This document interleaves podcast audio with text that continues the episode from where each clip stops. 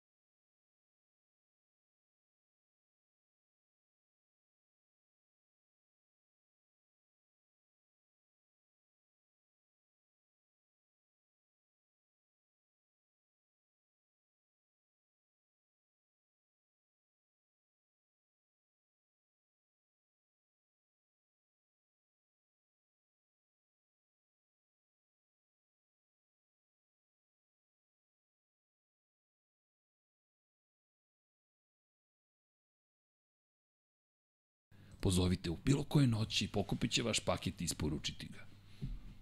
No može da realizuje sve te ideje, znaš. ne znam, ali reci, Mnogo ideja to je ima. potencijalni horor, A ljudi pamte, komedija. ljudi pamte ove ideje koje predlažemo, Pamtite, pazi, kratka priča. Živković Erceg. Da. To zvuči dosta dramatično. Znaš, zajedno smo napisali kratku priču.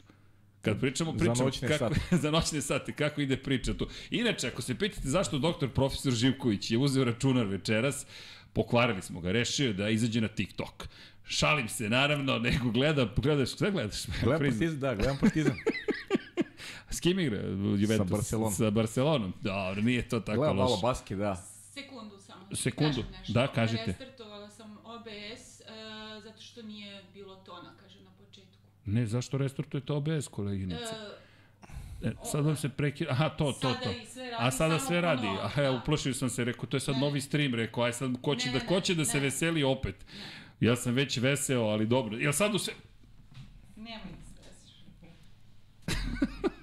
Očigledno da smo raspoloženi, ali sad na stranu pričat će ljudi o Formuli 1, zato smo se okupili. No, poruka je uvek ista, a to je budite dobri jedni prema drugima, mazite se i pazite se i vozite računa jedni drugima. Završio se salon automobila plus Moto Passion ili ti popularno po- nazvano sajam automobila u Beogradu. I nadam se da ste uspori da ga posetite, što naš štand, ali pre svega da doćete da vidite malo da uživate onome što su svi zajedno pripremili, što ljubitelji motora, što motocikala, zapravo automobila, nekog, nekog ne znam, programa posebnog, laka vozila, teška vozila, bilo je svega, pa eto, nadam se da ste našli ono što ste tražili, ukoliko ne, nadam se da ste bar upoznali neke drage, dobre ljude i da je bile pozitivne energije. Znam da su se mi silno zabavili, Hvala svima koji su nas posetili, a vratio nam se monitor, možemo ponovo da vidimo šta radimo zapravo u To celoj je priči. najvažnije. Da, inače pozdravi za sve koji su vozili, vozit ćemo i večeras.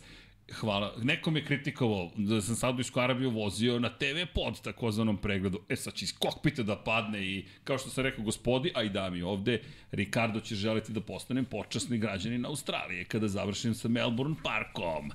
Ali to je sve u redu. Paju ne mogu da nasmijem, dramatična situacija, šta Nema, je jo, tamo? ne, ne. Pa, Lagano. Krećemo, lagani uvod. Pa ti, ja sam navikao da ti malo to uvedeš u ovu priču, pa pa da to potraje. pa da. da. da. Nema nam tvog kolege, mog kolege, našeg prijatelja, ali čoveka koji obično gleda Liverpool iz te stolice. Ili gleda Liver- Liverpool večeras? on je u kontra stolici. On je za početak. da, Za početak je u kontra stolici, ali ne znam da li igra. Stvarno nisam ovaj upućen. u, u ta zbivanja, nema Da. veze.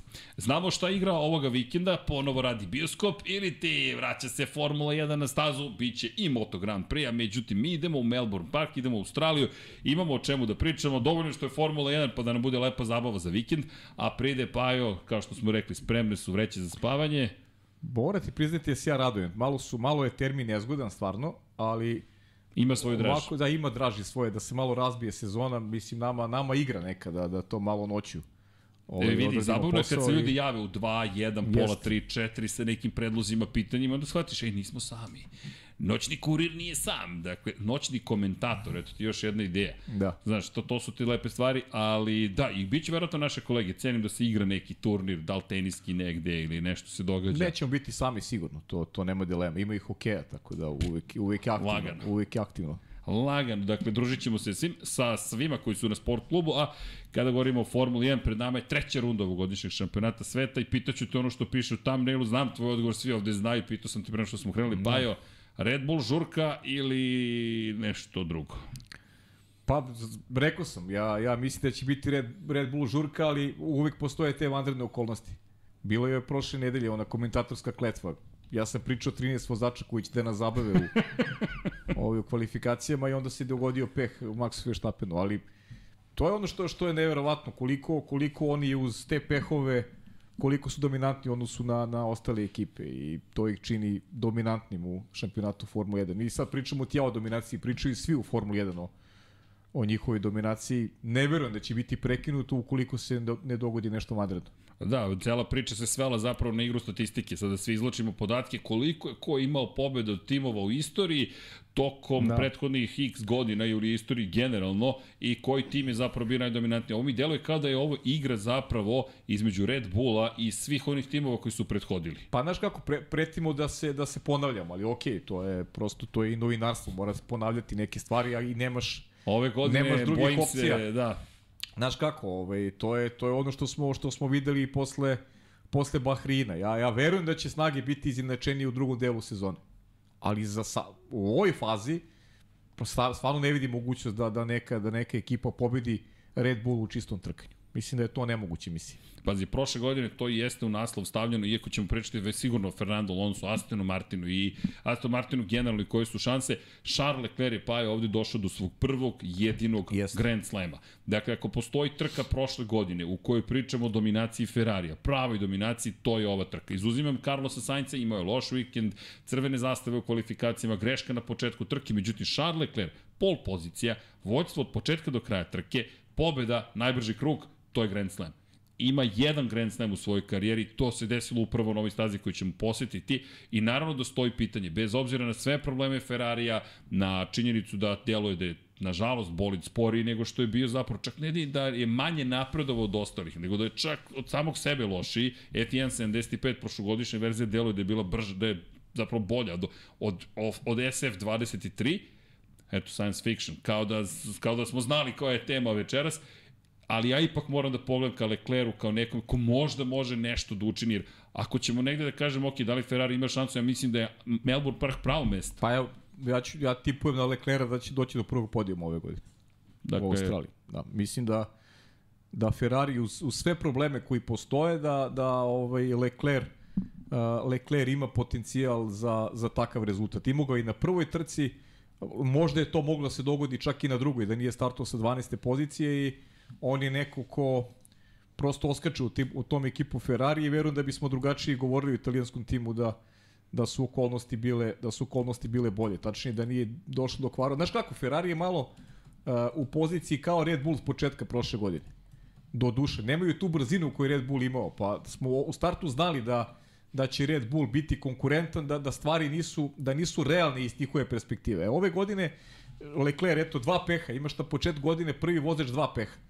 Ne završi prvu trku, u drugoj startuje sa 12. pozicije. To su ozbiljni pehovi.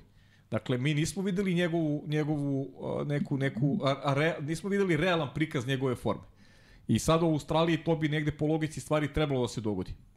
Ferrari nije dovoljno brz da ugrozi Red Bull, ali je, mislim, dovoljno dobar, čak i u ovoj fazi godine, je dovoljno dobar da sa vozačom kakav jeste Leclerc dođe da se bori za podijum. I bit će mnogo teže Fernando Alonso da, da sačuva taj, aj sad već možemo da ga nazovemo niz, ovaj, koji postoji sa, sa dva treća mesta, jer imaće imaće ozbiljnije konkurente. Pazi, prošlu godinu, moram da se vratim na prošlu godinu, već spominješ Fernanda Alonso. Dakle, bolid broj 2 u ovom trenutku jeste Aston Martin. Ima mnogo pitanja, šta mislite da li je legalan, nije legalan? Ljudi, dok se ne otkrije i ne kaže drugačije, to je legalan bolid. Kraj. Tačka. Dakle, kakve god teorije zavere da imamo, ali i to je negde simptomatično za ovu sezonu. Dakle, mi smo već u teorijama zavere, mi smo već u tome ko odlazi uh, sledeće godine u koju ekipu, mi smo već u statistici, uopšte se ne bavimo trkanjem, kao da se podrazumeva da je Red Bull taj koji će da očisti sezonu. E sad, par stvari. Prvo ovo što si rekao za Alonso i Leclerca, hajde da vidimo konačno i tu borbu. Ljudi, dve generacije da se sretnu, kako će da izgleda pravi duel Fernando Alonso u ovom bolidu protiv Charles Leclerca u Ferrariju. Ako gledamo Leclerc kako se borio protiv Maxa Verstappena, pa povremeno i protiv Mada, protiv Sebastiana Fetela, te njihove timske borbe u Ferrariju, nismo ga videli baš protiv Luisa Hamiltona, nije došlo do tog duela, hajde da vidimo bar protiv Alonsa. Ako kažemo prva bitka će biti Max Verstappen, Sergio Perez, ukoliko uopšte bude, da, da se ne lažemo, Hajmo da vidimo Leclerc Alonso. Meni je to isto tako uzbudljivo. Da, pričat ćemo o tome, o izjavi Kristijana Hornera koja je, koja je sveža, apropo te bitke dvojice vozača u koju ja baš i ne verujem ovaj, previše, mislim da onako više politički ovaj, korektna naspram vozača, a da je, će u praksi biti drugačije. Ali ovo možda bude stvarno interesantna bitka, dobijemo konačno taj duel. Hajde da ih vidimo. Alonso Leclerc i da vidimo kako će izgledati. Ono što možda bude prednost Le Leclerca, to su ti brzi krugovi koje Ferrari i dalje ima. Videli smo i nije bio veliki izostatak. Na making gumama. Na making gumama, tako je. Na making gumama. Tako je, ali ovaj, to možda mu da neku startnu prednost. Australija je staza gde, gde se teže obilazi, tako da ukoliko bude bolje u kvalifikacijama, već tu može Leclerc da stekne onako određenu dozu prednosti u odnosu na, na Fernanda Alonso, pričamo, eto, to je potencijalni bici za treće mesto, ali kažem, trka je, trka je živa stvar i ovaj, mi možemo pričamo ovde koliko god, uvek, uvek se desi nešto, nešto nepredviđeno i nešto što može da otvori trku na, na način koji, koji niko od nas ne očekuje. Pazi, na prethodnoj trci, moj, jedan od naših drugara koji su motociklisti veliki, Goran, koji ne gleda Formula 1, sve da gleda Formula 1 i rekao, ok, nije trkanje koje ja volim, način na koji ja volim da stalno nešto se događa na stazi, ali istorije kada pogledaš, te, te, ti momenti Meksikanac, da li će da vodi, neće da vodi u šampionatu, najbrži krug da, ne, znam da je kao utešna nagrada, ali opet uvek se nešto dešava i drugo, ta bitka koja, jer, jer I ono što je lepo rekao, sad uz svo dužno poštovanje i prema jednom i drugom sportu, ali Formula 1 Moto Grand Prix ne mogu da se poredi. Zašto? Koliko god liče jedno na drugi. Formula 1 je daleko kompleksniji, kompleksniji, mnogo Tako. kompleksniji sport i to ono što nekako i kada posmatramo prenos ne bavimo se samo direktnim trkanjem, već yes. izborom guma, strategijom, istorijom na toj stazi, istorijom tog bolida sa tim pneumaticima, unapređenjima koje su stigle za taj trkački vikend, u krajnjem slučaju odnosom vozača. Pa, pa mnogo je više timski sport. Mnogo je više timski sport. Sam ti rekao si, kompleksniji je, kudi kamo i ovaj, zato je, zato meni, recimo, meni je mnogo interesantniji ovaj, i eto, ceo, ceo živo prati Formulu 1 zato što mi je prosto, eto, meni je, meni je, meni je mnogo zanimljivije i volim da gledam. Naravno, i motori imaju neku, neku svoju ovaj, draži, jer to je 40 minuta čistog adrenalina, pravog trkanja, ali nije nije toliko nije toliko kompleksno, ne zahteva neke druge veštine ovaj, koje, koje mogu da pretoče ovaj, tu neki, da je neki kvalitet vozača u, u, u pobedu. Kada razmišljamo o... Evo recimo Lewis Hamilton. Lewis Hamilton je veliki šampion. Jeste. Ali evo, nije, nije ni blizu da, da se umeša u borbu za pobedu. Da, pazi, mi ni ne spomenjamo Luisa Hamiltona uopšte u kontekstu priče o, o pobedničkom postolju. Pod jedan, Red Bull. Dakle, Sergio Perez koji za poen zaostaje za Maxom Verstappenom. Max Verstappen, dakle, njih dvojica su u Red Bullu. Fernando Alonso kao velozač broj 3 u šampionatu i Aston Martin kao ekipa broj 2 i zatim dolazi Charles Leclerc koji nam deluje kao čovek koji pa da, treba da bude treći ali, zapravo. Opet Charles Leclerc koji, koji bodovno nije u toj grupi trenutno, nije. ali, ali uz, uz sve ono što smo gledali tokom dve trke, odustajanje i i načina koji je odradio kvalifikacije, pa i načina koji je vozio početak druge trke na mekim pneumaticima je stvarno bio stvarno impresivan, ali Ferrari se muči na tvrdim gumom, ali mislim to smo prosto e, absolvirali kao tema. Ali, ali, ali, sad ono što je zanimljivo, dakle, Mario Isola, sportski direktor, to je direktor za motorsport Pirelija, šta kaže? More options for the race thanks to the compound choices in Melbourne. Više opcija za trku ćemo imati zahvaljujući promjeni zapravo tvrdoće guma koje ćemo koristiti u Melbourne. I kažem, i napravili smo isti izbor guma kao za 2019. godinu za veliku nagradu Australije. Dakle, kada govorimo o, o, o, o zapravo 2023. mi govorimo da je posle covid i pandemiji dve godine u kojoj nismo se trkali na Melbourne parku, odlučili su da naprave, dakle, C2, C3, C5 opciju. I C5 prošle godine je bila zapravo u upotrebi. Na kraju sa jednim stajanjem Charles Leclerc završio. E sad, svi timovi su zapravo koristili tvrdu gumu i srednje tvrdoće pneumatik, dok su je meka korišćena samo u kvalifikacijama. E sad, njegovo mišljenje, ove godine imamo C2, C3, C4, dakle nema tog velikog skoka. Dakle, za oni koji eventualno ne znaju, C5 je mekša, dakle, -huh. mekša jedinjenje. C3 postaje negde možda validnija opcija, pogotovo za Ferrari, mislim da je ovo važna informacija, koji je već prošle godine na ovim gumama bio dobar. Sad naravno ne znamo koliko je nazadovo ili da li je i koliko je Red Bull napredovo. Međutim, makar na papiru smatra da će biti više opcija čak i za meke gume. Ne znam da li je samo nešto što da se hvatamo opet za slamku, ali pa, eto čisto da. da napomenem da postoji neka promena u izboru pneumatika za narednu godinu, za ovu godinu. Za ovu godinu, da. Pa mislim, to je nešto što bi i tekako odgovaralo Ferrari. Držim ali, palčeve bilo da, kome da, da odgovara da dobijemo više uzbuđenja. I još jedan podsjetnik, ovo je trka na kojoj se prošle godine pokvario bolid Red Bulla i to može biti, može biti najveća slabost zapravo i ove godine za Red Bull s obzirom na činjenicu tu postoji neki problem. Inače, Formula A Uno je, je zapravo napravila par nekih nevratnih zaključaka. Više ćemo pritrčati, izvinjam se za F1 Technical ovog četvrtka, prošlog četvrtka što ga nije bilo, nije bilo moguće. Ljudi, mi smo bili na sajmu. Da, sajm je bio. Dan, noć, dan, noć, dan, noć, dan, noć.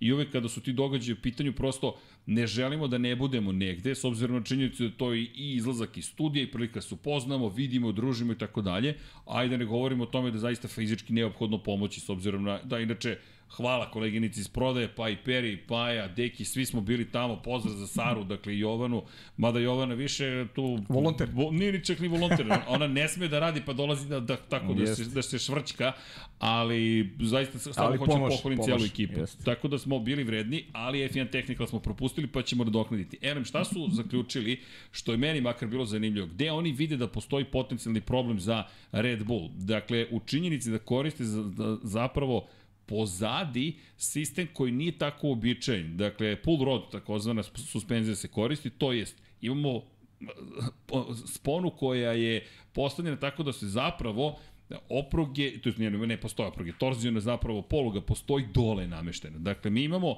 vučnu sponu, nemamo potisnu sponu. Sad, zašto je to bitno? Kod Red Bulla je potisna spona i njima ceo sistem zapravo za za amortizaciju stoji dosta visoko. Međutim, nju i u želji da poveća difuzor je smanjio pozadi prostor neophodan za, taj, za, za, za, za kompletan sistem amortizacije i sumnjaju da je to zapravo dovelo do otkazivanja i, i, i kvara na polosovini. Da je mnogo zapravo izgubljeno na masi i da je smanjena pouzdanost. Sad to je neka teorija. E sad to pomaže da difuzor bolje radi, Venturi i tuneli da bolje funkcionišu, ali navodno tu je slabost Red Bulla. Vidjet ćemo.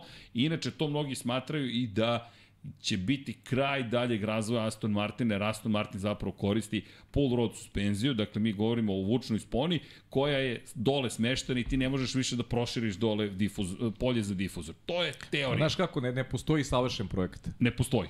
Znaš, uvek, uvek iz, iza nekog savršenog projekta se kriju određene slabosti. Kompromis. Tako je, i, ali o, ono što je Red Bull uspevao tokom prethodne dve godine je da po znacima navoda sakrije te slabosti. Tačnije da ih te neke slabosti ne koštaju previše ovaj, tokom, tokom sezone. Tako da vidjet ćemo. Interesantni su ti, ovaj, ti, ti, ti pogledi na, na, na tehnologiju i na na način kako kako ovaj i to je Formula 1. To je Formula 1. Kako, kako inženjeri drugačije ovaj sagledavaju neke stvari, zašto je Adrian Newey ovaj neko ko, ko pravi razliku, nije pravio samo u Red Bullu, već njegova istorija je takva da, da možemo da ga svrstamo možda i u najvećeg u istoriji kada, kada govorimo o toj oblasti i to je ono što što Red Bullu daje daje ovaj jednu jednu onako dozu, ajde da kažem, nekog, nekog mira ili ti privilegovanog statusa u odnosu na, na rivale, makar u aktualnoj, u aktualnoj situaciji. Nisam siguran da ćemo u skorije vreme videti neku, neku dramatičnu, dramatičnu promenu, ali kažem, ovaj, siguran sam da će rivali smanjiti razliku u odnosu na Red Bull, a propo i ove kazne koju, s kojim se Red Bull suočava, tako da eto i ta, ta jednomesečna pauza, rekao bih da bi mogla već da pomogne da pomogne rivalima da, da možda pronađu nešto nešto ovaj drugačije u odnosu na, na početak sezone. Ja, ja recimo mišljenja sam da, da, da će Mercedes da će Mercedes biti sigurno bolji od, od Aston Martina kako, kako sezona bude odmicala. Nemam dilemu oko toga uopšte. Ba nekako je logično. Apropo Mercedesa, samo da napomenem, u Mercedesu kažu da će u narednih pet trka zapravo biti, pro, biti napravljene možda i najveće promene. Navodno stižu, inače za Ferrari takođe stižu neki novi dijelovi, novi koncept, menja se, kažu da će uskoro Ferrari takođe ličiti na Red Bull. Izgleda da više neće biti tri koncepta, nego da će imati jedan, jedan koncept. koncept da, pa Vidi. Njui koncept. Njui, baš iznenađujuće. Njui koncept. Da, Njui koncept. Ko najbolje bude prepisivao u školi, taj će imati najbolji rezultate. Čuvena resava, dakle, da. resavski moment, deluje da će se desiti. To je bitno da znaš od koga prepisuješ. I to je, zna, i to je znanje. Znači, Ej, vidi. I to se negde ovaj, podvodi po termin, po termin zvanje. Pa, znanje. Pa, znaš i sam kako to funkcioniše. Yes. Dakle, da se ne lažemo... Ugledaj se na najboljeg i sve je to u redu. Pa vidi, svi prepisuju manje više. Jedan, pa da, jedan pa tim uradi nešto, uvijek je tako drugi, bilo. drugi kažu, prepiše. e vidi, ovo funkcioniše, aj to da prepišem. Tako. Ako možeš da napraviš dovoljno prednost da ne može brzo da se prepiše, e, tu si Tako. Dvostruki difuzor 2009. Jest. Ne možete brzo da ga prepišete. Ne može, ne Ajde, polako, promeni cijelo zadnje. Još u vremenu kada nisi imao ograničenje budžeta, promeni cijelo zadnji kraj bolida ako možeš. Testiraj ga da bude pouzdan i da dobiješ te rezultate koje si želeo. Red Bullu je bilo potrebno pola sezone zapravo da dođe do željenih rezultata. Do tada Jenson Button i Bron Grand Prix su rekli, ćao, Ćao svima. Ćao svima. Da. e, to je Pera stavio na, na, na, na, svima. na Renault. To je bilo fenomenalno. U svakom slučaju, da ne bude, kada najavljamo trke, obično kao šta će se biti desiti. Nemamo predstav ljudi šta će se desiti. Možemo da kažemo vremenske uslove, izbor pneumatika, kako šta je Brembo rekao za ovu stazu, da odvezemo stazu, da vam kažemo ko su pobednici prethodnih godina.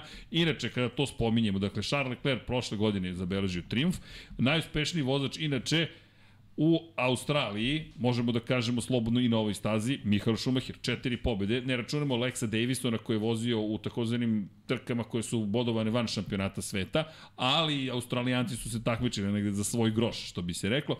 Sebastian Vettel je ovde zabeležio tri pobede, spomenuti Jenson Button je zabeležio tri pobede, Alan Prost dve u šampionskim trkama i od ljudi koji se takmiče, ovo je meni makar bilo zanimljivo, nema mnogo pobednika koji imaju veliki broj triumfa. Lewis Hamilton je ovde dva puta slavio. Lewis Hamilton 2008-2015. zabeležio pobedi. Ti kada pogledaš, čekaj, da li je moguće? Da, 2015, pa dobro, znaš, da nije ni bila Australije. Ono jedno vreme... Nije dve godine smo korona, propustili. propuštali smo. Ali slušaj pobednike, Charles Leclerc prošle godine, Valtteri Bottas 2019. Sebastian Vettel za Ferrari 18. 17. Nico Rosberg 2016. Lewis Hamilton 2015. Nico Rosberg 2014. Ajmo 2013. Ko je pobedio? Tišina, prva trka sezone. Kako? Ko? Jeste Kimi u Lotusu, kad je izašao, Kimi vodi u šampion, kad je Lotus rekao, au koliko ćemo da plaćamo bonuse ove godine, to je kad je, kad je bukvalno bi, kvalifikacije, kvalifikacije bi mogli da igraju dobru ulogu. Vidi, Mercedes, Ferrari, Zato i kažem tu, godina. recimo Leclerc, Leclerc ima, ima šansu u tom pogledu. Pričamo sad o podijumu, ne pričamo o... Da, da, da. Znaš koliko pobjeda inače ima Red Bull? Meni je bilo frapantno kad sam gledao, nešto nemoguće ljudi, pa ovo je nemoguća situacija, daj da, pro, da proverim još jednom. Red Bull... Jedno ili dve? Jedna pobjeda. Jedna, da. Red Bull je pobedio samo 2011. godine kada je dominirao sezonom Sebastian Vettel. Da, dakle, još, još jedan izazov za Maxa, da. E, čisto da se ne zaboravi taj trenutak. Dakle, 2012. Jenson Button u McLaren Mercedesu, 2011. Vettel u Red Bullu, 2010. Jenson Button u McLaren Mercedesu, 2009. Jenson Button u Braun Mercedesu, Lewis Hamilton 2008. u McLaren Mercedesu, Kimi Raikkonen u Ferrariju 2007. šampionska sezona, Fernando Alonso u Renault, Giancarlo Fisichella u Renault 2005. Michael Schumacher u Ferrariju, pre toga David Coulthard, pa Schumacher, Schumacher, Schumacher, Ed Irvine u Ferrariju i sad odosmo, evo još Mika Hakkinen, David Coulthard i Damon Hill. To je Albert, to je Albert Park. Da. To je u Melbourneu. Pre toga Adelaide, to je Adelaide I tu sad već ulazimo u priče, pa da, je... Hill, Mansell, Ayrton Senna i tako Druga, druga neka zona. I poslednja pobjeda u istoriji, u karijeri Ayrtona Senna i McLaren Ford 1993. Ej, sad će čoče 30 godina od kada je zabeležio svoju poslednju pobedu. Kakva ba ne, Australija sam, već mi skočila u rangiranju Australija. Ali čisto da se zna, Red Bull da je može da kaže da je ovde baš imao neke neverovatne rezultate, neverovatne uspehe. Najuspešniji konstruktor baš čudno je zapravo, zapravo, Zavisi kako se računa. Ferrari ima 10 pobjeda u šampionskim trkama, 13 ukupno, Mercedes ima 11 pobjeda na ovom mestu. Kao proizvođač motora, ajde tako da gledamo, kao konstruktor, Ferrari 10, ne, McLaren 11. McLaren. Šta ćemo s McLarenom kad ih spomenuh? Pa ništa. Ovaj. Kupuju inženjere, eto to su Čekam. najnovije vesti. Pa dobro. Otvoren mislim. vazdušni tunel. O, otvoren konkurs. e, to su najveće vesti kada je reč o McLarenu. Izvinjam se što skočim, a kada pogledate šta je McLaren sve postigao, ne možemo da pričamo o tome da, da je to neka, eto, čuli ste, McLaren, Mercedes, McLaren, Mercedes, McLaren, Mercedes, Jenson Button, Lewis Hamilton, kakva imena su, Mika Hakkinen, David Coulthard. Mi smo sad u situaciji, hoće osvojiti poene. I to će biti uspeh. Ali, za one koji navijaju, čisto da napomenem, dakle, David Sanchez, Sanchez, oprostite, dolazi, potpisano je 15 navodno različitih inženjera iz različitih timova, I ono što je trenutno situacija da su iz Ferrarija, Red Bulla i Aston Martina, to je zanimljivo, iz Aston Martina se sada otimaju inženjeri. Ja moram nešto kažem, meni je ovo pa super za inženjere. Pa, Plate a... stižu, dakle, znaš ono, inženjer sedi i da ga pita, ili inženjerka, pita su partner, šta radiš? Borimo se za titulu, super, hoćemo da pojedemo mi tu titulu. Sad je došlo vreme da inženjeri kažu, ajmo, plati za oznanje. Deco, školujte se, to mi je poruka. Pa dobro, znaš kako, ja sad gledam iz pozicije McLarena samo, da li je, da li je to a, nešto što je planski ili se to dešava zato što su u takvoj situaciji kako jesu, pa ajmo da, ajmo da menjamo po svaku cenu. Znaš, to je sad jedino pitanje. To je isto kao, posjeća malo Nastu Martin priču. Činjenica. U jednom momentu su doveli veliki broj inženjera, zaista je tu ovaj, sve i svašta su skupio i bilo potrebno mnogo vremena da, da, da stvari slegnu. Tako da, ne znam, ja se, ja se nekako uzdam u, u kvalitete, kvalitete vozača. Imaju dva zaista sjajna vozača i verujem da će, oni, da će nam oni objektivno pokazivati stanje stvari ovaj, u britanskom timu tokom godine. Verujem da će biti bolje, koliko bolje, neće se boriti za to četvrto, peto mesto sigurno ove sezone. Pazi, Mariano Alperin je navodno najzvučnije ime koje je za sada angažovano. Ima tu još mnogo ljudi, ali govorimo pre svega, to je najzvučnije ime čovek koji je bio zadužen za razvoj aerodinamičke tehnologije. Dakle, mi govorimo o nekome ko je baš se bavio aerodinamikom Aston Martina, ne samo Dan Fellows. Dan Fellows je jedan od ljudi koji su ključni Aston Martinu. McLaren goes shopping, dakle, otišli su i bukvalno kupuju. I sad ti kada pogledaš i Sančeza što su dobili, to je samo, lepo kažeš, da li je to plan ili to reakcija? Ne znam, ali možda smo u eri Formula 1 kada ti sada hvata inženjere, uzima i gledaj šta možeš pa, da uradiš. Možda je to i neka priprema za ono što nas čeka od 2026. Možda je, možda je i iz tog aspekta važno ovaj, dovesti što kvalitetniji ljudi i, i pripremiti se za, za taj period koji sledi. to mi je interesantna isto tema. Ajde, opet skačemo s teme na temu, ali skačemo, Ma, prosto nije trka, pričamo o svemu. Znaš, kako će izgledati taj Red Bull u saradnji sa Fordom? Da li to znači da, da Red Bull definitivno da neće biti ulaganja od, od kompanije kao takve e, na račun, na račun ovaj, uh, Formuli 1 ili će Ford preuzeti kompletnu brigu o timu, o resursima, o svemu onome što ih očekuje 2026. Znaš, da li, da li ovo znači otklon kompanije od, od trkanja? Znaš, Red Bull, uh, Ford, je, Ford je veliki proizvođač ali ne znam kako će izgledati to na planu neke hirarhije u budućnosti, ta, ta saradnja. Ja mislim, moramo čekamo Red Bull kao kompaniju da vidimo šta pa su da, želje i, pa da. i planovi, pa tek onda šta će se dalje desiti. Je, jer nama je nekako, ajde, svi koji pratimo u formulu, nekako nam je logičnije bilo da Red Bull ostane u partnerstvu sa Hondom. Jer imaju gotov proizvod, imaju, imaju jedan proizvod koji im daje e, sportski rezultat. Zašto biste vi menjali proizvod koji je dobar? ukoliko nemate neke druge planove. Sa, znaš, prosto glasno razmišljam, jer ne znam pa, kako će stvari da izgledaju. Ajde kada to spominješ. O, a, da, večeras smo u raspoloženju s jedne teme na drugu. Porsche. Porsche je definitivno odustao od Formule 1. Rekli su posle neuspešnih pregovora sa Red Bullom i to povezujem kao priču. Bili su im neuspešni pregovori sa McLaren, rekli su da je to za njih takođe čor sokak. Šta mi je zanimljivo? Porsche mislim da je potpuno promašio analizu situacije. Otišli su u tim koji je klasičan konstruktor, Red Bull, bez obzira što je to počelo kao energetsko piće. Ljudi, zaboravite, to je ekipa. To se zove Red Bull i tu je kraj. Dakle, energetsko piće, da, odatle je došla, došao novac, došla podrška. Ali to je sada trkački rasni kon, konstruktor yes. koji ljudi osvaja titule i ja ih mnogo poštujem baš zato što su ostali u Formuli 1 dugo i to nije bio onaj moment, aj uđemo malo, budemo 4-5 godina, promovišemo energetsko piće, pa šta bude, biće, idemo dalje. Ne, kupili su još jedan tim, doveli nam veliki broj kvalitetnih vozača, Sebastijana Fetela, Maxa Verstappena, izvini, samo njih dvojicu da su uveli u Formulu 1, pa kažeš bravo, doveli su i Carlosa Sainca, u krajnjem slučaju, kada pogledaš ko je sve stigao od njih, zaista možemo da poštujemo. Daniel Ricardo, Mark Webber itd. itd. itd. E sad, taj isti Red Bull je Porscheu rekao ne, McLaren je Porscheu rekao očigledno ne, to jest ne svim zahtevima koje Porsche imaju, Porsche rekao izlazimo. Deluje mi da su mislili idemo kupimo nekoga, I to je to. A ovo su timovi koji mi deluju, ne, mi hoćemo i dalje da se trkamo. E, ljudi, mi smo trkački timovi trkački tim, to mu, ja to, ja ne, mislim, znamo se pa mnogo pa, dugo, to, to kažem, se poštuje. Daš, zato vidit ćemo. Možda je to samo,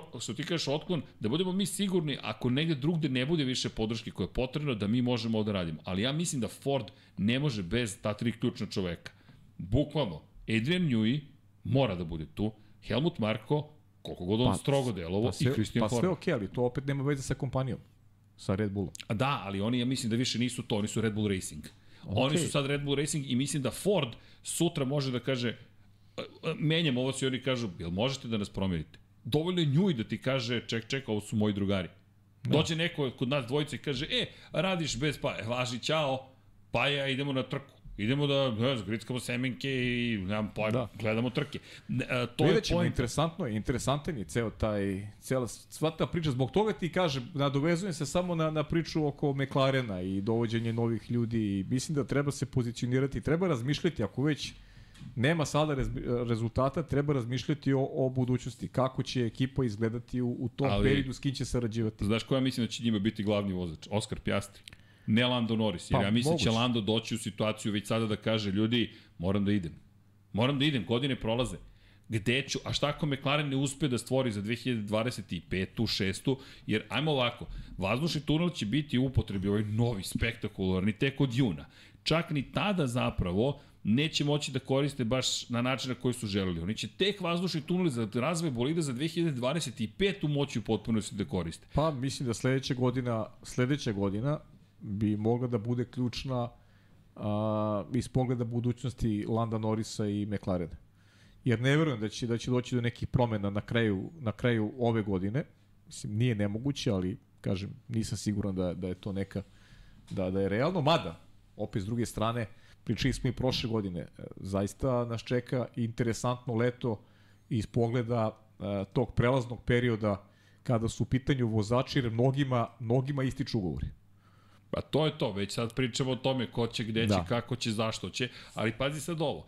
McLaren, inače McLaren koristi Toyotin vazdušni tunel koji se nalazi u Kelnu. Šta to znači? Vi proizvedete nešto u Wokingu, u Engleskoj, vi morate da odvezete to do Kelna, testirate, vratite nazad. Dakle, kompleksan je proces, iako to deluje, pa dobro šta to je blizu. Ne, nije, to je mnogo izgubljenog vremena. Samim tim ti sada štediš još jedna stvar, to je stari vazdušni tunel. I Andreja Stella, šef ekipe, je rekao, ljudi, brzina razvoja u Formula 1 zahteva da budemo mnogo brži od ovoga mnogo brže do ovoga, tako da su sve to potezi, ali su to sve srednjeročni potezi. Inače, rekli su, ovaj vazdušni tunel koristit će se tek za razvoj dijelova za, za bolid za 2024. 2023. Stara pesma. Dakle, Norris i Pjastri moraju da budu strpljivi. Pjastri je ovo prva sezona u karijeri, ima pravo da uči, ima pravo da greši. Norris, to je sad već druga priča. Tako da ja, baš me zanima šta će biti, lepo si rekao, otvaraju se pitanja, ej, mnoga pitanja.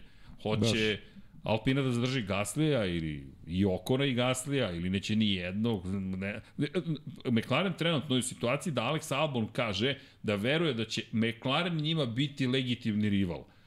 I veću kritiku nisam čuo. Dakle, Williams koji kaže, ej, čekajte, sad čisto da znate kako stvari stoje. To, to ne sme da bude tako, ali tu se McLaren našao. Ne znam kako smo skočili na McLaren, ali to je poštovana ekipa, jednostavno tako. A pričali smo o inženjerima, zato smo skočili na A i o pobednicima na ovom mestu. A, da. U svakom slučaju, MCL 60, ako neko pita šta će McLaren da uradi u ovoj trci, nemam pojma. Ljudi, to niko živ ne zna. McLaren ne zna šta će da se desi na ovoj trci. Evo ovde se odmahuje se glavom. pa, da. Kažu, ne, nema očekivanja. A čekajte, za koga navijate? Ono... Kako? Red Bull, Red Bull? Red Bull? Ferrari, čovjek zato sedi u ćošku sam tamo. znaš kako, Oskar Pjastri njemu je praktično sve jedno, znaš. Oskar Pjastri je dobio mesto u Formuli 1 i on je neko ko mora da se dokazuje i njega ne treba da zanima kakav je bolid. Lando Norris to je već druga priča. Lando Norris može da, znaš, da se dogodi taj neki pad motiva, nešto što, što ovaj, uh, nije dobro za njegovu budućnost, ali teško je motivisati se kada, kada imaš neki standard rezultata, a pazi, u odnosu na period od pre dve godine, McLaren je samo ide silaznom linijom. Umesto da ta linija bude uzlazna, ona je silazna.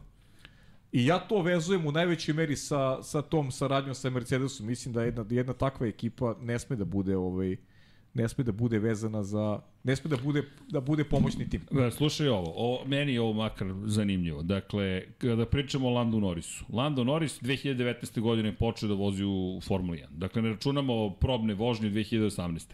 Tada je McLaren sarađivao sa Renault.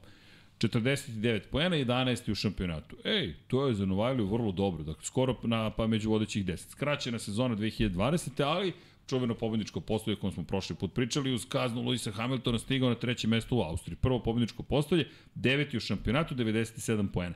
McLaren ekipa ostaje isti tim, međutim dobije Mercedesove motore, četiri plasmana na pobedničko postolje i jedna pol pozicija. To, to, je, to je napredak 2021. Yes. Šesti si u šampionatu, 160 poena. Većinu trka si završio, većinu trka si završio među osvajačima poena. Jedini kiks koji imao su Mađarska i Belgija, jedna za drugom, gde nije osvojio poena, jednu trku u Mađarskoj nije završio, sve ostale među vodećih 10 bio.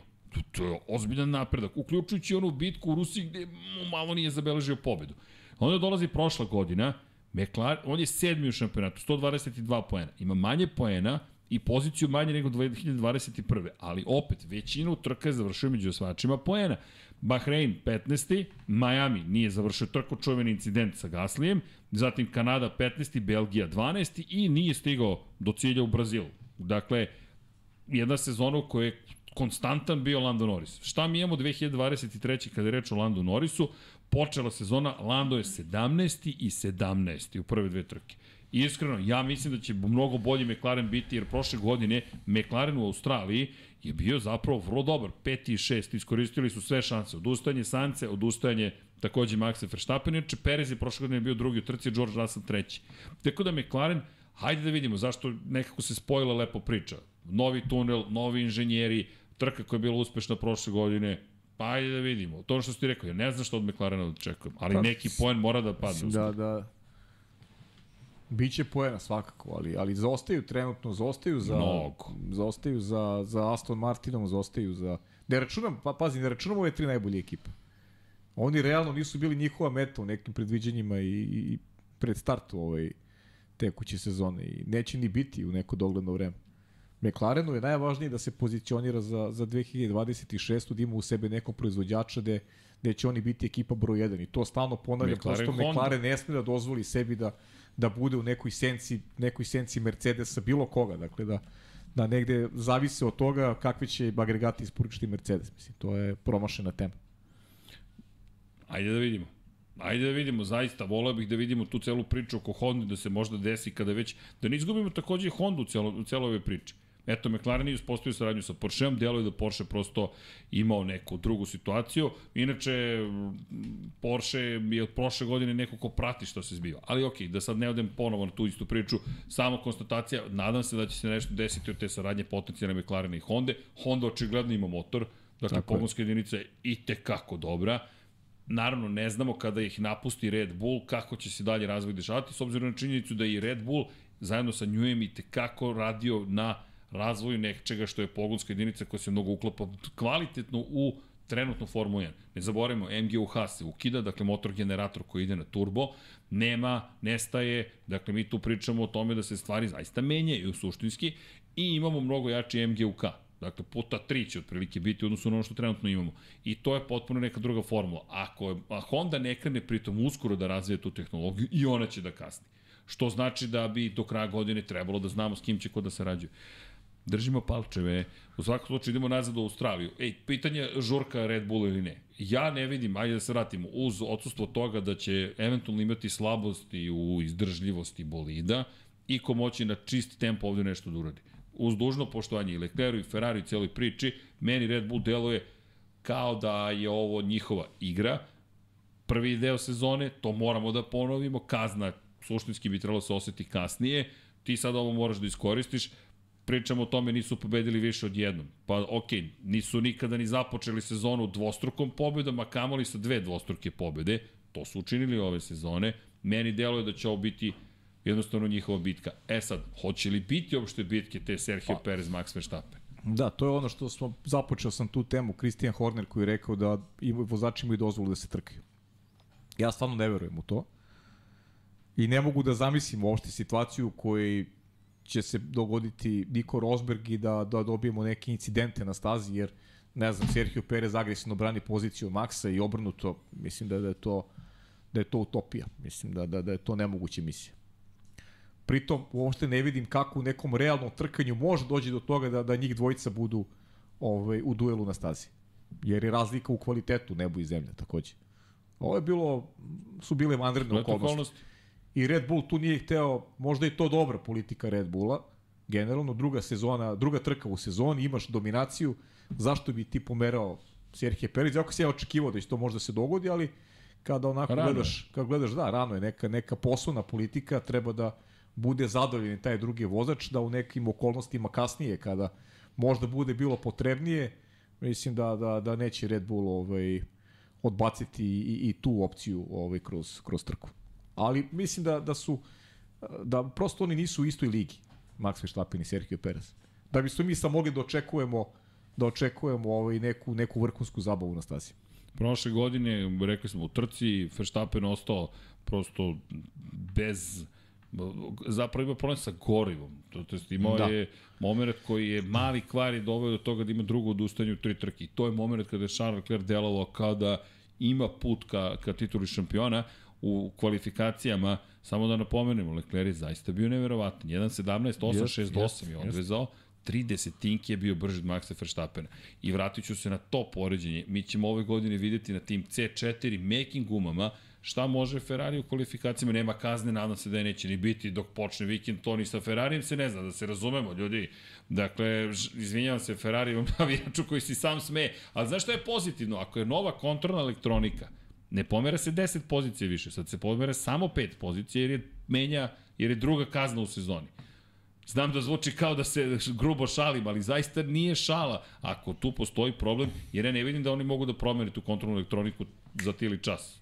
Pa naravno. Inženjerski. Pa pričali smo o tome Tako je. tokom trke. Tako da, Charles Leclerc, ajmo da se nadamo, čist vikend, pa da vidimo. Jer ako sa ti, od, od prednosti od 30 tinke dođeš do, ne znam, za ostatka od pola sekunde, gde, gde nestade ta sekunda, gde nestade tih 80 tinki, a priča se sve više da zapravo u, apropo tvoje priče o, o tome koga kopiraš, nije samo koga kopiraš, već koji koncept ti zapravo na kraju kopiraš i, i, i dok ćeš da dođeš u celoj priči, a to je, ajmo ovako, navodno je Ferrari otišao u promenu prednjeg kraja putem Red Bulla, ali s obzirom na činjenicu da im je oslanjanje konceptualno potpuno drugačije, način na koji postavljaju zapravo aerodinamiku prednjeg kraja i u potpunosti poremetilo ceo bolid. To je jedna teorija. Niko zapravo ne zna, ali Ferrari, ako je stvarno to toliko ispromašivo, ja mislim da će se jasno videti sada u Australiji. Jer ako pogledamo prvu trku, menjali su kontrolnu elektroniku i bateriju pre trke, ne znamo šta se tamo dešalo, bio je treći Charles Leclerc, odustao, onda smo dobili onu trku koju je napredovao samo dok nisu prešli na tvrde gume, nije ga poslužilo vozilo bezbednosti i ajde, ajde da ga vidimo. Ajde da, najzad da vidimo. U svakom slučaju, e, mi imamo nekoliko zanimljivih bitaka. Ja navijam da Alonso može da bude dobar u kvalifikacijama i mislim da će biti sigurno dobar. Zašto? Fernando Alonso nam treba, evo, i Red Bullovci se raduju, dakle, svi se raduju Fernando Alonso. Mislim da je on univerzalni trenutno, iako on tvrdi da je bad guy, da je on zloća i antiheroj, ne, on je trenutno heroj revolucije. Zašto? 42 godine, neka i tamo tim koji ne bi trebalo da bude iznad petog mesta u šampionatu konstruktor, četvrtog u najboljem slučaju, drugi u šampionatu, a on dolazi u svoj petoj deceniji uz sve što je učinio, nekako čovjek koji nikad nije bio šarmantan suštinski je postao šarmantan. Pa dobro, to je jedina Znaš, šansa za, za, neku, za neku bolju trku je da, da oni Leclerc imaju dobre kvalifikacije. E, a seti se, Zato što bez dobre kvalifikacije na ovakvoj stazi nemaju, nemaju baš, baš nekih opcija ovaj, prevelikih. A seti se prošle godine, izvini, se sećaš kako mu je stala Alpina, ugasila se, tum, samo se ugasila. Kad je otišao, dok je skretao u desno, završava krug i imao je čak šansu možda da se bori za pol poziciju. U, o, to je u Australiji bilo. Pa ajde da, za, za, za, da ako je, evo ja ću biti onaj koji pravi Mirođiju, koji ubacuje celu priču. Zamisli Alonso odveze takav krug ove godine u Aston Martinu. I kaže, evo momci, pol pozicija, Čika, Alonso.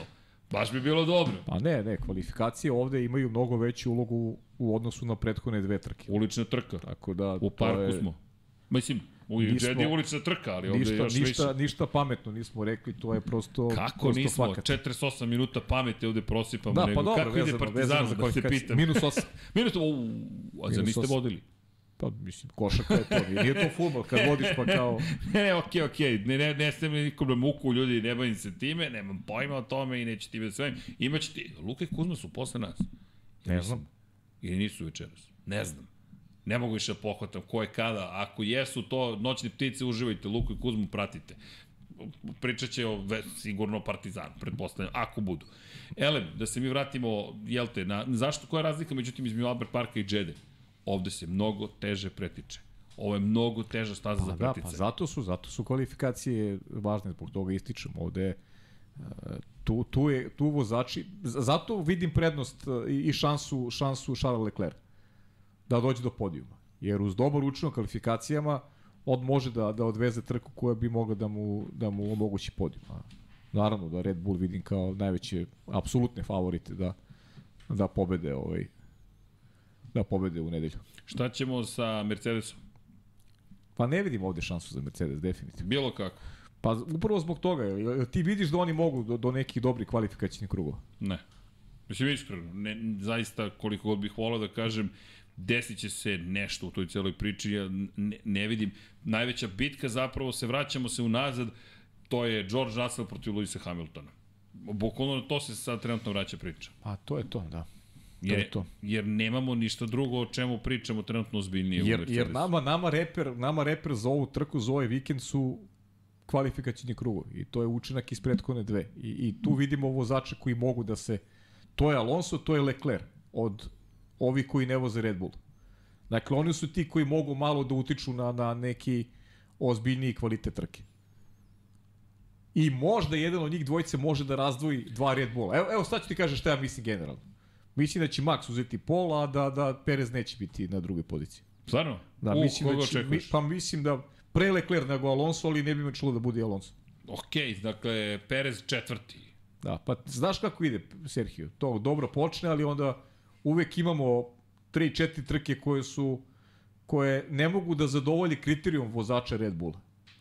Ima ih čak i više nekad. Dobro, ovo će biti taj Sergio test. video, Sergio video sjaja doče. Pa to je pokazati zašto on nije šampion, zašto on nije u zašto on nije u, u rangu Maxa Verstappena. Jer i kod njega postoje oscilacije. Ja sad verujem da, ja verujem da ćemo prvu dobiti, da ćemo prvu dobiti sada ovog vikenda. Misliš da ćemo sada dobiti? Pa iako on, iako on dobro se ponaša na tim uličnim trkama, verujem da ćemo već sada dobiti. Pazi ovaj. sad ovo. Kalendar. Ja- Vraćamo se. Australija. Zamisli ako dobro odveze sad ulicu. Ulica. Pa dobro, on dobro Evo, vozi ima ulicu neko osmeh ovde. Red Bullovci se baš i ne smeju. Čekaj, Fer, Perez, Verstappen ili... Red Bull. Red Bull, da. O, e, vidiš oni dok je Red Bull došao? Pa to što dobro, smo to je- pričali. Red Bull je došao do toga da je tim, a ne samo vozač koji vozi za neku ekipu. Pa to je Ferrarijevci kroz ovde reaguju. A vidiš Ne, to, sam znaš šta je to interesantno? Zašto je to filozofija Ferrarija, znaš, filozofija je. koja traje već koliko, ono, po, od kako, je ost, kako postoji Ferrari, Pa je navijelo se za Ferrari, ne za vozače, znaš. Evo, ti sad imaš eto, momke koji navijaju za, Za Red Bull. za Red Bull, nije bitno ko vozi za Red Bull, znaš, to je upravo baš filozofija Ferrari. Ok, 74 godine se takmičite i koliko, ovo je 15 Da. ili 16? Ja, ja sam mislio da je u toj celoj priči bitan Max, a ne Red Bull, recimo, znaš. Ali nije toliko, mnogo ljudi kad ih pitaš za koga navijaju, vidiš, da. na, evo, masovno pitamo, Red Bull se često spominje. Da. To, je- to treba istražiti, da vidimo kako je to uspeo Red Bull. Kako? Fetel. A to je to, krenulo je Sebastijana. Od pa ne, pa to, a to ti je seme se posadilo pre Pa da, x pa da. godina i onda kažeš čekaj, to je moj tim, Ima otišao je. logike. Isto ko McLarenovci, što se drže McLarena i to je to, ili Williamsa. U, Williams. Nisam dobru informaciju dao prošle godine da niko nije koristio meke gume. Isola, čekaj, sad da se vratim na Pirelijevu izjavu, čovek je rekao da niko nije koristio meke. To nije tačno. Pa evo, se sećaš ko je potrebio meke gume? Nemoj, ti znaš da nisi ima ovaj, Čekaj, neko da pamti. vidim. Da ima, one, with all the team using hard and the software just, just used for qualifying. Jao, Mario, pa mi da te učimo, slušaj Lab 76. Čekaj, u, u, u Australiji. Australiji, se sećaš? Ne mogu, ne mogu se. Crvena kosa. Tako je, Alex Albon, ljudi, se sećate promene u predposlednjem krugu. Jer se sećaš ja. našeg šoka, ali problem bio u tome što on ulazi na zamenu dok ga oni pretiču otprilike za ceo krug. Šta radi ovaj čovjek? Nije menjao gume. Koliko krugova čekaj da se vratim nazad? Nije menjao gume, pa evo, 57 krugova je bio na tvrdim gumama. Da, da, bravo. I onda uleće na kraju jedna promena na meke gume i onaj super brzi krug za kraj. Bravo, znaš da, znaš da sam zaboravio to u Australiji. Da, to je Australija bila. Sad sam se setio da... Ne, znao sam da je Australija, ali sam se setio da je zapravo bio neko na making gumama. Čekaj, kome je pripao najbrži krug? A da, Charlie je bio Grand Slam. Ali šta je odvezao Albon tada? E, moramo izvoli da pišem. Kaže, čekajte, ove najave su potpuno neozbiljne. Pri čemu vidi ovaj izveštaj iz trke. Oni nemaju podatak koji je krug odvezao na making gumama. Samo imaju za tvrde i za, za srednje tvrde gume. A, Albon je Pirelli ostavio negde u prašini. Ali samo da se setimo koje strategije mogu da pa, dođu dobro, do izražaja. ali to je to je onda se nadovezuje ovaj na onu priču iz iz Pirelije da meki pa, pogotovo ovde da meki gume mogu da više Možda se će koriste, biti znaš. bolje. Pazi ovo. No. Srednje tvrde 20, ali, 22 ali kruga, ali meki 23. gume, meki gume, srednje tvrde i meki, verovatno. To je Ferrari jedino to. Da se, mada prošle godine dobar, mada pitanje A prošle godine, evo računaš Ne, prošle godine, Ferrari je prošle godine da. bio u Bahrenu brži za sekundu u odnosu na vreme ove godine. Fakat, fakat, fakat. Da li ti možeš da izvučeš sad, ajde, teoretišemo, pola trke, ako, si, ako je Albon vozio 57 krugova na tvrdim, da li Ferrari može da izvuče 38 na Znaš kako, srednje tvrdim i 20 ja na Srki meki? mislim da, da, i to je uglavnom i, i na većini staza je tako, ali pogotovo na ovoj. Strategija se pravi nakon kvalifikacije. Dobro, okej, kad odradiš i te prva tri treninga i kvalifikacije, Pa pa, vidiš da kvalifikacije je... pre svega, u zavisnosti od toga gde si, s koje pozicije krećeš, onda praviš, jer Ali, na pa, račun tog uh, slabijeg uh, ali ti moraš još slabije ranije da računaš. za trkanje. Ne, okej, okay, oni računaju verovatno, ali zamisli da, čekaj, si razmišljali o opciji da recimo Leclerc i Alonso možda uzmu i pol. Pazi, ja mislim da će Mag da uzme pol. Ali da li nemoguće da, da Leclerc kažem, ili Alonso- Alonso uzmu pol? Pazi, ako je Rossi bio deda u Moto Grand Prix, ne možemo ovde deda, Čika Alonso. Znači, Čiko, šta je ovo, Zagore, sad ću da ti objasnim kako, zašto smo ovde Pa postigli. da, ali, ali onda ti sa pol pozicijom, ti se drugačije se ponašaš, znaš, drugačije ti je pogled Jeste, jeste, na, na trku. ali, ali isto tako koje gume čuvaš. Pazi sad ovo. Prošle godine šta su sačuvali u Red Bullu? Verstappen je imao po dva seta tvrdih gum, dva seta. Perez dva seta tvrdih, jedan set mekih, jedan set mekih. S druge strane, Leclerc je imao jedan set tvrdih, dva seta srednje tvrdih, Sainz takođe. Čisto razmišljam šta ti, jer ti u treningu 1, 2, 3 se pripremaš da sačuvaš ili dva seta tvrdih i jedan set srednje tvrdih, ili dva seta srednje tvrdih i obrnuto, i dva seta tvrdih i jedan set srednje tvrdih. Pratit ćemo. Ok, ovo, ovo je sad za praćenje, jer ako ne uradiš taj deo posla takođe dobro, onda u kvalifikacijama opet si ograničen na to. Zapravo imaš samo da li ćeš startovati na tvrdim ili na srednje tvrdim. Pa da. O, Ferrari baš ima posla. Ajde da vidimo novi menadžer. Pohvale za Ferrari iz jedne perspektive bitne. Ej, ozbiljno, dva puta najbrža ekipa za zamenu guma. Respekt. Dakle, poštovanje za to. To je ozbiljno napredak od ekipe koja zaboravlja celu gumu do toga da je najbrža. Fakat, ljudi, znam da ga smešno zvuči, ali desilo se. Pa dobro, ali ima, ima još jedan još je- jedan pogled o kom... Pa da, o tome smo Realista. pričali. Dobro, ali o tome smo pričali i pre početka, znaš, to je popuno je drugačije i u bilo kom sportu kad igraš utakmicu gde si pod pritiskom da nešto mora ili treba da uradiš, razumeš? Fakat. Ti sad nisi pravio greške u kojoj situaciji? Kada si imao trku koja je bila izgubljena Za peto i šesto mesto. pa, mislim, znaš, i, i onda kada, kada je kada si u Mali takvom ulog. stanju, kad imaš mali ulog, lakše ti je da, da, da odrađuješ posao na pravi način. Ferrari je greši onda kada je bilo važno. A? Napravite prave stvari kada, kada vozači funkcionišu na stazi, kada bolid funkcioniše, a sada si brzo menjao gume za petu i šestu poziciju, pa potpuno je nebitno. Surovo, ali istinito. Pa jeste, Brutalno, to ti je, ali pa to ti istinito. važi, Hladan šmrk kod Čika Paje. to ti važi za to ti važi za svaki drugi sport, znaš. Imaš ekipe koje mogu da pobede velike, ali onda kada to nije važno, kada kada njima to ne Da, znači da, ništa. ne znači... Ali kada im znači, onda im se vežu ruke, noge, šta god i, i ne mogu pobediti. Pa to je znak velikana, to je ono što često pričamo to. u sportu. E, ne znam, za NFL, na primjer, to je često. Pa šta, bacio loptu 7 yardi. Stalno se vraćam na jedno te isto. Bacio je loptu 7 yardi u pra- čoveku na pravo mesto 3 sekunde pre kraja, pre isteka utakmice, od kojeg zavisi da li osvajaju titulu ili prolaze dalje, od koga zavisi bonusi, plate, da li će taj neko biti angažovan sledeće godine, da li se ekipa raspada ili ne, da li ceo grad od tebe očekuje da to uradiš, da li si ti taj od koga svi očekuju da baci tu loptu i onaj naravno što treba da uhvati da uhvati loptu, pred 60, 70, 80 hiljada ljudi, a znaš da te gleda 100 miliona gledalaca. To je apropo priča o Super Bowlu, na primjer. I onda neko baci loptu u Super Bowlu i ti kaže, a da, jezim me sad na livadu i bacim. Pa, okej, okay, ali nisu iste okolnosti. Drugo, moraš mnogo na livadi da provedeš vremena da dođeš uopšte u priliku, a kamoli da preživiš do tog Super Bowla kao neko ko je starter. Razumemo se, Pajo. Hvala. Pa ne, Vratio si me u surovu stvarnost. Ovo je bio level A, pazi, 99. Ali oni, pajing. mislim, to op, jesu, za, Realno. jesu za pohvalu, nije sporno. Ti si uradio dobro posao, ali si ga uradio bez tog dodatnog pritiska. Dobro, teo sam makar za nešto da se uhvatimo u cijeloj ovoj priči i kažemo, okay, evo, je... znaci napretka, ali, ali fakat, dok ne dođe borba za pobedu, pa tu bude važno da se to uradi. Hvala, Pajo. Oče, Pajo.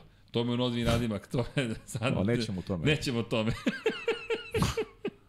Povlači, povlači neke druge stvari. Šalimo se samo, šta vam je, koleginica već rekla, Da, da, da, vrlo da. oštro ovde. Je, sad znate kako se mi osjećamo kad tako dođete nenajavljeni. Ja, Mislim, sve u redu. Dobio sam kritike, pošto čovjek, da svratim, svrati. E, čovjek svrati i onda, Tako pa je. dobro, nisi se javio, pa rekao bi sređen da svratim. ja ću vam to uvek reći, ali pišite ako hoćete dođete u studio Instagram, Infinity Lighthouse ili The Lab 76, najavite se jer ko zna koliko ljudi će biti da ja ne napravim haos, pošto ja to uvek uradim. Elem, da se vratimo mi u Australiju, u Melbourne. Dakle, šta navijamo? Ajmo da se vratimo na Pereza na sekund. Ulična staza. Zamisli ako odradi dobro posao, neka bude i drugi. To je odličan posao. I da vidimo da li će onda onda juri najbrži krug trke. Znaš, na pol, u poslednjem krugu. Jer je u poslednjem krugu on rekao, pitao, ili, ili imamo najbrži krug? Ne, izgubio si ga u poslednjem krugu. Aha, okej. Okay. Dobro, ajde sad da vidimo da li će biti makar te igre. I još jedna stvar, posle toga idemo u Baku. Ako je on kralj uličnih staza, Ako on Street Fighter, Street Fighter Čeko Perez, on je sad Street Fighter, eto ga. Dakle, ako može ove četiri trke nešto da uradi. Dobro, ja isto tako mislim da je Max sad na baždare najviše na njega. Pa Znaš. dobro, ali to je baš lepo da vidimo, da, Da, i taj duel. da, jer, jer objektivno ovaj, Komu smeta? on u svojoj glavi mora da napravi uh, percepciju da mu neko smeta, baš. Pa, Jer, jer, mora, a, a rival mu je trenutno timski kolega najveći. to, to podsjeća na velikane sporta.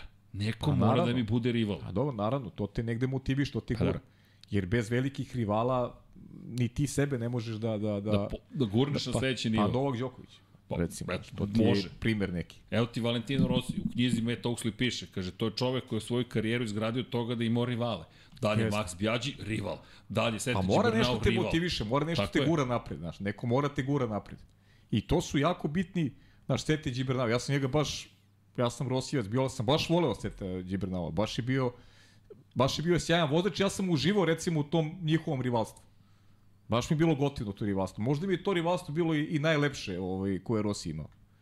Ali tebe rivali ti te guraju, oni te Pomeraju guraju te. napred, da, Pa pomeraju. dobro, ostala rivalstva su bilo dosta, kako bih rekao, gruba sa Maxom Verstappenom, sa Maxom, Maxom, sa Maxom, Sa Maxom Bjađim, izvinjam da, se. da. Bjađi ga je čak i udario u glavu u Barceloni. Oni su došli do fizičkog obračuna te godine, 2000, koja je to bila, druga ili treća. Oni su se pot, potukli.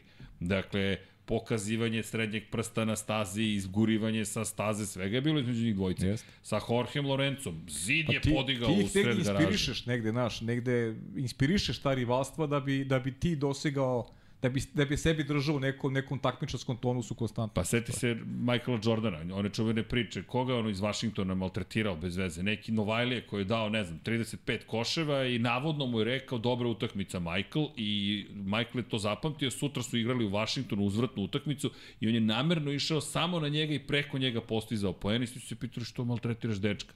I navodno je rekao, reto što mi je rekao da je bila dobra utakmica. Pa da, njega su gurali, njega su Pistonsi prvo počeli da guraju, Da, a ne, to je bio to Bad dobro, Boys to je bilo ga gurali, to je, Bad Boys, to je negde da, da. početak njegova prva titula, pa je onda A išao Gary. Thomas, Bill Laimbeer i... Bill Embiid, da, i- Dennis i Rodman, Dennis Rodman. Dennis Rodman i ekipa, da. Su, surovo je to bilo. Marka Ali ovaj dečko ništa nije uradio, on je samo postizao koševi, navodno rekao dobra utakmica i na kraju se ispostavilo 15 godina kasnije da je Jordan priznao da je izmislio celu priču samo da bi došao motivisan na Pa utakmicu. da, pa da, pa to je to. Pa to je tako normalno u sportu.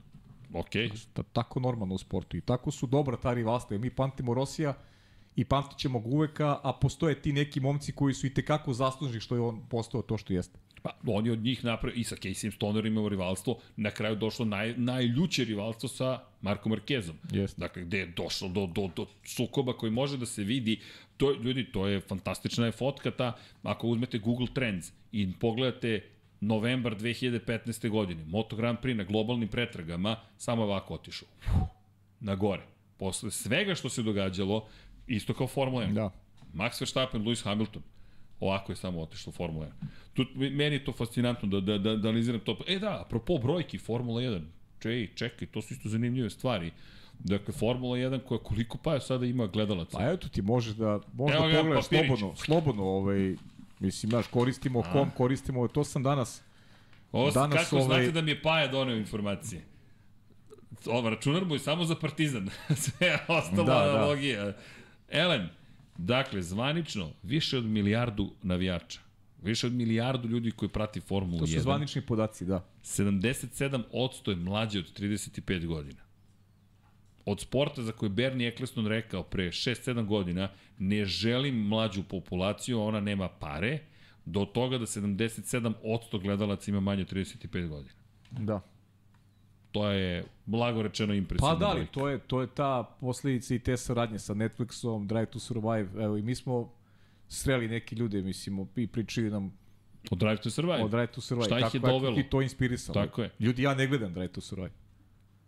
Za, pa zato što mi ne treba da me ovaj, motiviše, da me prosto formulu volim od kad znam za sebe. Da, jasno. su, mene su neke druge stvari ovaj, inspirisale i ne, ne zanima me da vidim taj pogled ovaj sa strane. Ne, nije mi, prosto mi nije interesantan. Ne gledam uopšte.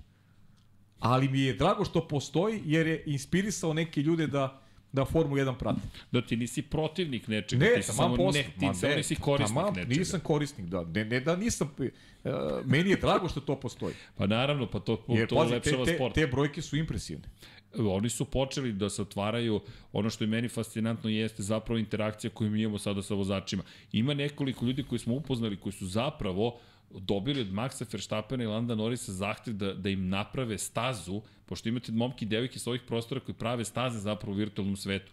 I La, Norris i Verstappen su ih našli i rekli, e, možete da nam uradite stazu. Tako da, da, ne otkrivam previše, ne želim da se zna previše, pošto su to neki poverljivi podaci, ali da znate, imate te nevjerovatne ljude sa ovih prostora koji to rade. Ako nam budu dozvolili da i kada ispričamo njihovu priču, dovešćemo ih u studiju da nam pričaju o tome. I to ti isto nevjerovatno. Ti negde praviš neku virtualnu stazu, voziš i sport, po- vozit ću ja kasnije, ne verujem baš da će Verstappen da, da analizira moj krug, ali nema veze, i dolazi neki, javiti se neki Verstappen i neki Lando Norris, e, kao super radiš ove staze, možeš da uradiš danas. A, mo- molim, da, to je fascinantno. Ali to jeste novi svet. Twitch, YouTube, evo, mi smo na YouTube-u. Pa, okej, okay, ljudi, Tako je. E, e, vidi, pa evo, ko zna šta nas čeka. U 3D. Kako izgledaju pa i jare. e, kakav si mi u, čekaj, u, u fantaziji? Oče. Oče. Nikad, nikad gori. E, ovde se još neko hvata za glavu za fantaziju. Nikad gori. ja sam još se i Pa provukao. dobro, držim se one, rekao sam, ja neću da menjam. Bez- Imam Piastrija i Norisa imam. I to, to time je sve šta rečeno. reći, šta reći, šta Ništa. dodati na to? Na to ništa zapravo Ništa, dodati. Ali dobro, da. E da, još jedna stvar. Baku, znaš šta, samo apropo Pereza, tako mi danas idu misli, jel te, moram to da ne zaboravim. Sprint kvalifikacije imamo u Baku. Da. Ljudi, prvi sprint je u Baku, to je još više poena, to je još veća drama. Biće to zanimljivo. I vidi sad da li Baku može da bude ta novi, novi Brazil. Imam otisak da Formula 1 traži novi Sao Paulo kada je reč o uzbuđenjima u sprintu. Da traži tu neku stazu kad, koja ima neku hemiju sa takvim, takvim formatom takmičenja.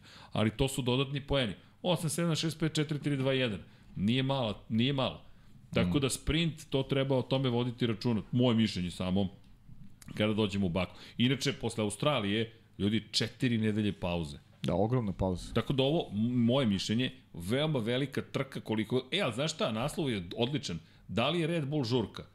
Da li je žurka ako pobedi Perez da bude drugi Max Verstappen? Pa, žurka je. Kako nije?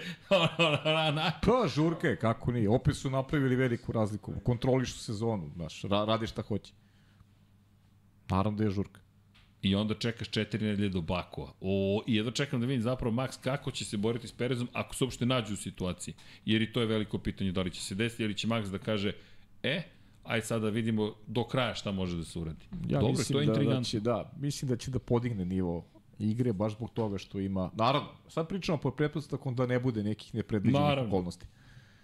Ne možemo to, to mi ne možemo da znamo i ovaj, percepiramo stvari iz neke iz neke idealne ovaj pozicije na stazi. Pa kako predvideti nepredvidivo. A zaista zaista je. mislim da u tim idealnim situacijama ovaj Perez ne može, ovaj ne može ništa, ne može da parira Maxu. E a šta pričamo o Lensu Strollu? Sad mi on pada na pamet. Znači šta ćemo sa Lensom Strollom? Pa, mislim, ja uz dužno poštovanje ne mogu da ga stavim u koš sa Alonsom i da očekujem to, da, da li što očekujemo od, od... Pa ne, ja iskreno ne ne očekujem da, da može da se umeš u tu bitku. Pazi, uvek sva, sve može da se dogodi, ali ne vidim ga u bici za treće mesto. Dobro, to mi je zanimljivo bilo. Pretekao je Sainca, ali nije imao brzinu, pa on bi mogao opet s Mercedesima. Pa, realno. I šta ćemo sa Carlosom Saincom? Pa tu, u toj grupi. Opet, to je ta grupa. Mercedes i Sainz i Stroll. Tako je. To, to deluje kao realnost. Zapravo imamo sledeću podelu. Perez, Verstappen, ako se desi, Verstappenu dajemo prednost. Leclerc, Alonso, to je bitka koju svi nekako, svi imamo osmeh na licu, odmah priželjkujemo, i onda idu Russell, Hamilton, Stroll i Sainz. Tako I je. dođemo do toga da to osam vozača ostaje još dva mesta za, za poene pod idealnim uslovima, naravno da se niko ne desi neki, nekakav kvar. I onda pitanje, ko će ovde biti dobar? Da li opet čudesno McLaren može da okrene situaciju ili ne? Valtteri Bottas prošle godine ovde osvojio poene, da ne zaboravimo i to, i obe Alpine su bile među osvajačima poena, ili nisu, čekaj da proverim. Ja ne mogu se... Ne, nije, nije, nije, nije bio, zato što je Alonso imao probleme, ali jeste bio, Esteban Okon je došao do bodova. Dobro, i naravno Alex Albon za Williams. I nemam predstavu šta će tu da se dešava, ali će biti, ali će biti zanimljivo. Inače, Williams je ušao u kripto svet, ako sam dobro ispratio. I da, Kraken, e, ovo, evo to, ako mi je to zanimljiva vest, dakle, Kraken Crypto je exchange menjačnica ušla u Formulu 1 u saradnji sa Williams Racingom. Tako da, ko ima Krakene i NFT-ove njihove i ko je generalno u toj priči, neka se malo bolje raspita, samo da vidimo. Da, dakle, 210 zapravo digitalnih nekretnina, da ih tako nazovem, bit će dostupno na NFT marketplace u njihovom, a ono što će biti zanimljivo, na zadnjem krilu će se pojaviti izabrani Dakle, tokom godine Selected Kraken NFT holders imaće jedinstvenu priliku da vide zapravo svoje, jel te, NFT-ove na zadnjem krilu Williamsa. Pa eto, čisto da se doda još jedna ekipa iz kripto sveta koja je ušla da podrži. Ili ti sponsor za Williamsa, ljudi, to je dobra, to je dobra priča. Da. Znam da se se obrado rekao, okej, okay, kogod, šta god, kako god, ali čisto da ti imate jednu informaciju koja se desila. Hvala Miksi za dojavu, naš prijatelj Miksa, naš dežurni trener za vozače i nešto će da se ugasi ovde, verovatno TV, ali morat ćemo posle to da re reaktiviramo Sonišu e, da malo vozimo. No, činjenica je da ono što nas čeka kada je reč o kriptovalutama, nemamo pojma kako će da se završi ne završi, samo da se zahvalim Miksi koji me obavestio. Rekao, Srki, samo da daš Kraken i ja i Williams. Rekao, okay, lepe vesti. Pa eto, vidjet ćemo da li će to nešto pomoći Williamsu i da li, da li može, na primjer, eto, to će to biti zanimljivo Logan Sargent da nastavi svoj zanimljiv put kroz Formulu 1. dodao bih u sve to čisto da spomenemo Alfa Tauri, bitka tamo je vrlo ozbiljna, zašto u šampionatu konstruktora nekoliko timova je i dalje u problemima. McLaren bez bodova, Alfa Tauri bez bodova. Dakle, Nick De Vries, Yuki Tsunoda jure prve poene, Lando Norris, Oscar Piastri jure prve poene, Haas ima jedan poen, dakle Kevin Magnussen i Nico Hulkenberg samo jedan poen i Williams ima jedan poen, Alex Albon i Logan Sargent. Ostali timovi bolje izgledaju, mada je Valtteri Bottas jednu trku završio za Alfa Romeo među osvajačima poena i ispred njih Alpina, Ferrari, Mercedes, Aston Martin i Red Bull, pri čemu Alpina uz ono jedno odustajanje ipak je bila 8. i 9. na prethodnoj trci, deluje kao de facto tim broj 5. Ne znam da se slažeš, meni deluje kao je peta ekipa pa, stabilni su, stabilni su. Tu su među 10 i Dva dobra vozača. Dva dobra vozača. Gasli bolje počeo sezonu od, od Okona, ali imaju neku stabilnost i neki rezultati u granicama realnog. Aston Martin je poremetio taj neki balans od, od prošle godine. Oni su u stvari jedina ekipa koja je, koja je baš napredovala. Ne mogu da kažem da je Red Bull napredovao. Mislim da je Red Bull ostao na, na istom nivou, da su drugi slabiji. Mercedes je Mercedes je definitivno slabiji u odnosu na, na početak, u odnosu na kraj prošle godine. Ferrari je slabiji u odnosu na početak prošle godine, a Red Bull je na nekom, na nekom nivou koji, koji je prisutan, pa evo, ovo je već treća sezona kako su oni na jednom onako, ajde da kažem, identičnoj su formi, na, na, u vrhunskoj su formi. Ok, pratimo. Nema da. šta da dodamo po tom pitanju. Pratimo i naravno razvoj Formula 1. Za jedna od stvari u naslovu nam je Stefano Domenicali traži da, ne traži, nego podržava otkazivanje treninga u petak. Da, jest. Da. To je... Pa, posetio je Portugal u okviru trke Moto Grand Prix i za portugalski radio je izjavio da je, što se njega tiče, to su treninzi koji odgovaraju zapravo inženjerima, ali da što se njega tiče publike, to nije nešto što on vidi kao po, ne pozitivno, čudno, čudno bi bili izjava, rekao da podržava otkazivanje, jer publika to ne voli. Pa je onda posle morao dodatno da objasni šta je zapravo time hteo da kaže. Toko bizarna izjava. Ja se frapirao i pomislio sam prvo da nije istinita, da je to bukvalno lažne vesti, onda pogledam više izvora koji potvrđuju da je to zaista izjavio. Pa i nešto to može, može da ti dovede do toga da povećaju broj ovih sprint trka i da i da krenu samo na na ovaj upravo na to na na na na zabavu, znaš. Na... Šta onda imamo trening ujutro u subotu jedan i onda imaš imamo neki kvalifikacije, ili sprint. Imaš sprint neki, ne znam. Petak je jako važan. Mi, mi smo se žali što je uopšte što su uopšte eh. smanjili vreme ovaj treninga tokom tokom petka. Imam ja pitanje za publiku. Evo, imam pitanje ljudi. Da li ste za otkazivanje treninga u petak? Ne, ne, dakle, ja, ja još nisam vi sreo osobu koja je rekla da ja sam za otkazivanje treninga u petak. Iskreno. Dakle, nisam još sreo osobu koja je za to, pa eto, čisto da pitamo.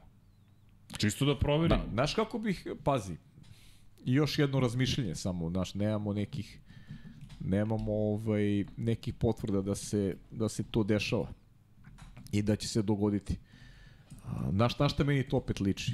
Na NASCAR i, i na, na moguće povećanje onda broja trka tokom jedne sezone. Evo. Jer ti onda da, smanjiš, ti onda smanjiš, uh, nemaš takmičenja, Evo, nemaš pitanje. ništa petkom, ostane ti vikend, subota, nedelja i onda povećaš broj trka i dolazimo do dolazimo do do bukvalno ovaj prepišemo kako NASCAR izgleda. Evo, po, evo pitanje su stavili i, i da, da vidimo šta, šta mislite vi zapadno, zapravo.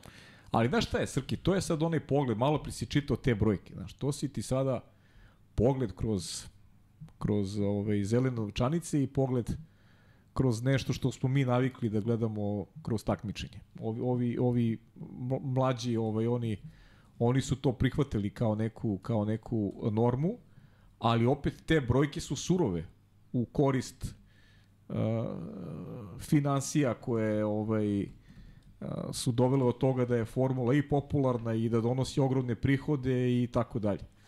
Ja mislim da oni sada rade istraživanje na temu kako možda još više ovaj, zaraditi i učiniti sve to prijemčivije, prijemčivije gledocima. Znaš, ja sam ovaj, protivnik mnogih stvari koje se dešavaju u Formuli 1, ali negde me brojke me, brojke me ovaj, demantuju i govore da da nisam u pravu što se možda zalažem za, za malo drugačiji koncept. Za manje trka, za uh, forsiranje nekih istorijskih staza, za manje trkanje na uličnim stazama i tako dalje i tako dalje. Na, Za protivnik sam amerikanizacije sporta takođe, ali baš vidiš da da da ovaj Liberty Media kada govorimo o brojkama radi mnogo. Ja mislim da ćemo imati sve više američkih trka opet. Pa dobro, to je neminovnost. Pa ja, ja čekam New York, iskreno. Ja sam, ja, ja sam generalno protivnik toga. Meni nedostaju neke druge staze koje nema u kalendaru i kojih vjerojatno neće biti. Ovaj, možda i nikad više. Ali, znaš kako, danas smo baš pričali, ne znam s kim sam tačno pričao na sajmu, ali apropo, na primjer, Las Vegasa. Svi žele da vide šta će to da bude u Las Vegasu i okej, okay, ali neki kostur mora da postoji onoga što je bila osnova Formula 1. Međutim, takođe vremena se menjaju, no, nove generacije stežu, pitanje pa da, da li šta je, šta je ovim momcima kostur Formula 1, znaš? Ne znam, šta pa vam je to kostur? ne pamte, ali oni to ne pamte, oni grade, Kako? grade neku svoju priču, znaš. Ovo sad? Pa da, to oni grade neku svoju priču, znaš, ovo je Ovo su neka vremena koje pamtimo ti ja, drugačija su i sad mi uh, želi bismo da stvari ne budu mnogo promenjene u odnosu na ono što, uh, što smo mi imali kao neki standard uh, gledanja, uh, trkanja i tako dalje. Znaš. Ja bih vratio i dolivanje goriva, znaš, to je, znaš, to je, to je ovaj, nema, znamo da je to nemoguća misija. Čekaj, ajmo da stavimo dolivanje goriva i punjenje baterije. Pa da, mislim, znaš, stavio bi, Ja bih volao da, da, da nije samo Pirelli proizvođač pneumatika, nego da ti Znaš možda bi... biraš kao ekipa sa kojim ćeš ovaj pa sa kojim ćeš firmu da radiš i tako dalje. Ali ja gledam, oni bi dvofaznu struju bacili, ne trofaznu. da, šalim da. se, šalim se. Ali ali a Flavio bi imao pet kablova. Kao Flavio, šta je to? Ma ništa. To je od komšija neka struje. Šalno strano Flavio Briatore koji je znao da skine po njegovom naređenju filteri su skidani zapravo bezbednostni iz creva za dopunjavanje goriva u Benettonu 1994. Pa se Jos Verstappen, otac Maxa Verstappen, zapalio sred Nemačke, jer su bukvalno skinuli ventile da bi ubrzali protok goriva i za isto vreme dodlivali mnogo više goriva ili za kraći vremenski period dodlivali od goriva koliko su planirali. Dok nisu povukli i onda pošto nije bilo povratnog ventila adekvatnog, samo je izašlo gorivo na, na vreli bolid i imamo jednu od najstrašnijih scena koja srećom se završila bez većih posledica za Josef Verstappen, ali eto, po tome između ostalog, nažalost, bio poznat Josef Verstappen i po tome što je Juan, Juan Pablo Montoya izbacio sa staze u Brazilu. I zaista nije ostavio dubog trag u Formuli 1 na taj način, Max zato pff, dve titule i uskoro 40 pobjeda. Ali, izvini, da se vratimo na ovo, da, tu pravo si, Jednostavno dela, pa pogledaj ovo, šta se još dešava? Evo da ne zaboravimo prethodnog vikenda. Kimi Raikkonen, Jenson Button u NASCAR-u. Pa da, pričali bi o tome naravno. Ja sam ja sam malo i ne, ne, pogledao, ali... upravo sam zbog njih dvojice i pogledao. Inače veruj mi da da ovog vikenda ne bih gledao da nisu njih dvojica vozili. I to je to je super za super za za popularizaciju sporta, jer to je verujem mi neke ovde inspirisalo. Pa da, inspirisalo da pogledaju NASCAR trku. E, e to ti je sada to je ta forma, ovaj, kako učiniti sport popularniji, znaš. I, I zato i kažem, ove, ove nove generacije, mi smo možda malo, ono, ajde da kažem, konzervativniji, možda smo malo, na, drugačije smo prosto odrastali, znaš. I treba i da se prilagodimo nekim novim, ovaj, nekim novim tokovima i kako će to sve da izgleda u budućnosti. Ono što svako ćemo mi dalje raditi, uživat ćemo u trkanju. A sad to konceptualno, što možda nije onako kako mi želimo, prosto Pa, pa prosto da, samo prosto samo ne krijemo ne krijemo svoje mišljenje. Da, menjamo se. Pa mislim samo glup pa, čovjek, ti... samo glup čovjek se ne menja, znaš, ne menja mišljenje, ne menja znaš, ne ne ide u korak sa vremenom, mislim. Mnogo je važnije u celoj priči da da te generacije A koje... važnije su nove pa ne, generacije. Pazi, naš posao pa ove je nešto... Brojke, Evo neki odmahuju. ove brojke koje si, koje si saopštio, večeras. Ljudi, to, to je poenta cele priče. Sve se menja i to je u redu. Ako, ako više ljudi, ako je mlada, mlađa populacija, zahvaljujući uh, Drive to Survive, zahvaljujući Netflixu, zahvaljujući ovakvom konceptu, zavolela Formulu 1, pa nema ništa lepše od toga. I vidi, Pa nama je Nissan sponsor. Podrška za Nissan, bili smo i na samom automobila, Nissan e-Power i tako dalje, tako dalje. I sad Deki i ja na prethodnom Dakaru, koji pričamo o konceptu koji smo videli kod Audi, gde je motor sa unutrašnjim sagorevanjem gore bio na krovu, koji puni bateriju, onda baterija zapravo prenosi električnu energiju na motor koji je na sva četiri točka pogon 4Power, inače kod Nissana, konkretno X-Trail i koji smo inače deki ja malo testirali i super je naravno. I sad razmišljam, čekaj, u tom momentu ja razmišljam o tom konceptu Nissan, dakle uzima motor sa unutrašnjim sagorevanjem kojim puni bateriju, onda baterija ide na točku. Znači, čekaj, to je potpuno sad besmisleno na prvi, na prvi mah. Zašto? Zato što si ti odjednom energiju koju si stvorio motorom sa unutrašnjim sagorevanjem preneo u bateriju, onda iz baterije na, na točkovi. Onda razmišljam, ok, zašto bi se to radilo? I onda mi deki kaže, čekaj srke, ja razmislim sipaš gorivo, ne treba ti utičnica, puniš bateriju. Ja kažem, dobro deki, ali koliki je gubitak? I onda počne da razmišljam, čekaj, jesmo izmjerili gubitak? Jer gde su najveći gubici kod motora sa unutrašnjim sagorevanjem? Kod menjača. Kod prenosa zapravo snage. I razmišljam, čekaj, sad moram da uradim, a elektrotehničari, mašinci, javite se za pomoć, da uradimo analizu zapravo šta je efikasnije. Šta hoću da kažem? Sve se menja. Ti sada sipaš gorivo u Nissan, dakle u X-Trail i Power, da bi zapravo punio bateriju. I onda koristiš prednosti elektromotora koji ti daje instant obratni moment, na primjer.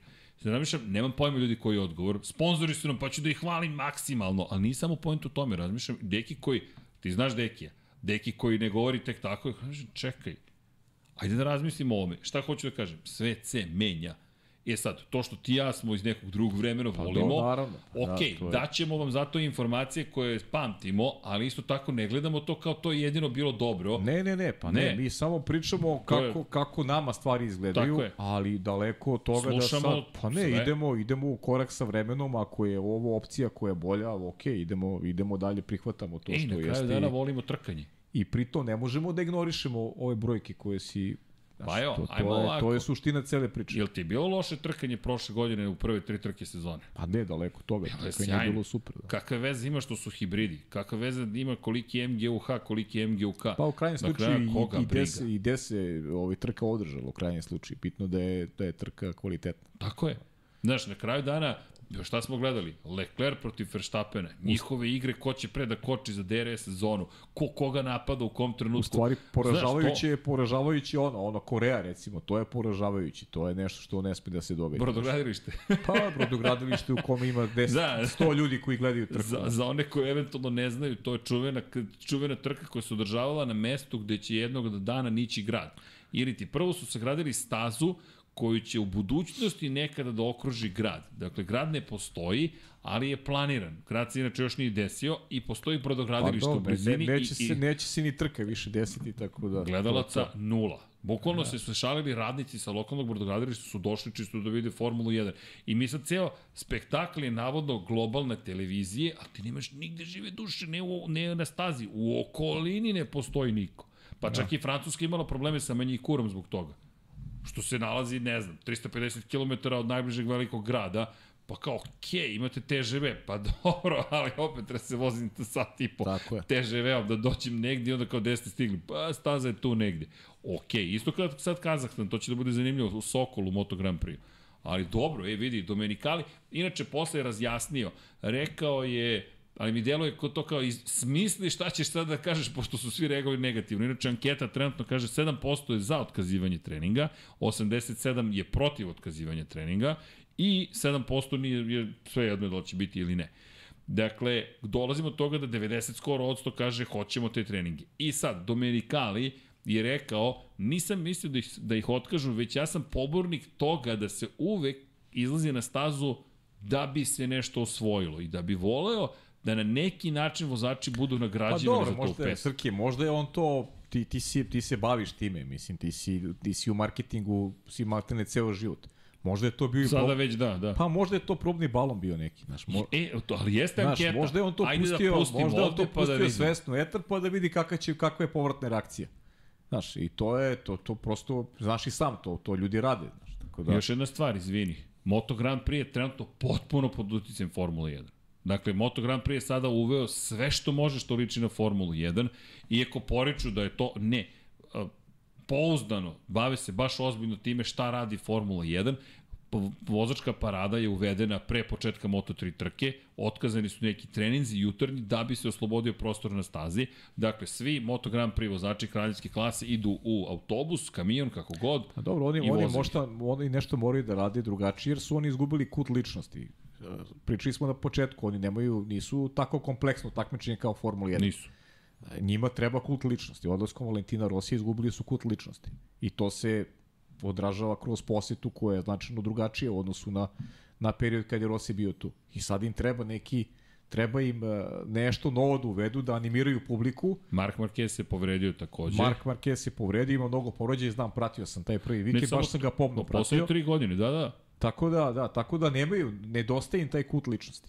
Otišao ti je Jorge Lorenzo, otišli svi ti stari Rosijevi rivali, Dani Pedrosa otišao u penziju, Casey Stoner je odavno u penziji, stigla je nova generacija, međutim, to je sada generacija pa, treba, treba im vreme, treba vreme, ali, znaš. Ali znaš šta je zanimljivo? Uh, Norris, na primjer, Verstappen, oni voze zajedno u u e-sportcu. I ti ćeš ih sresti kako negde su u nekoj ligi i na nekoj stazi voze.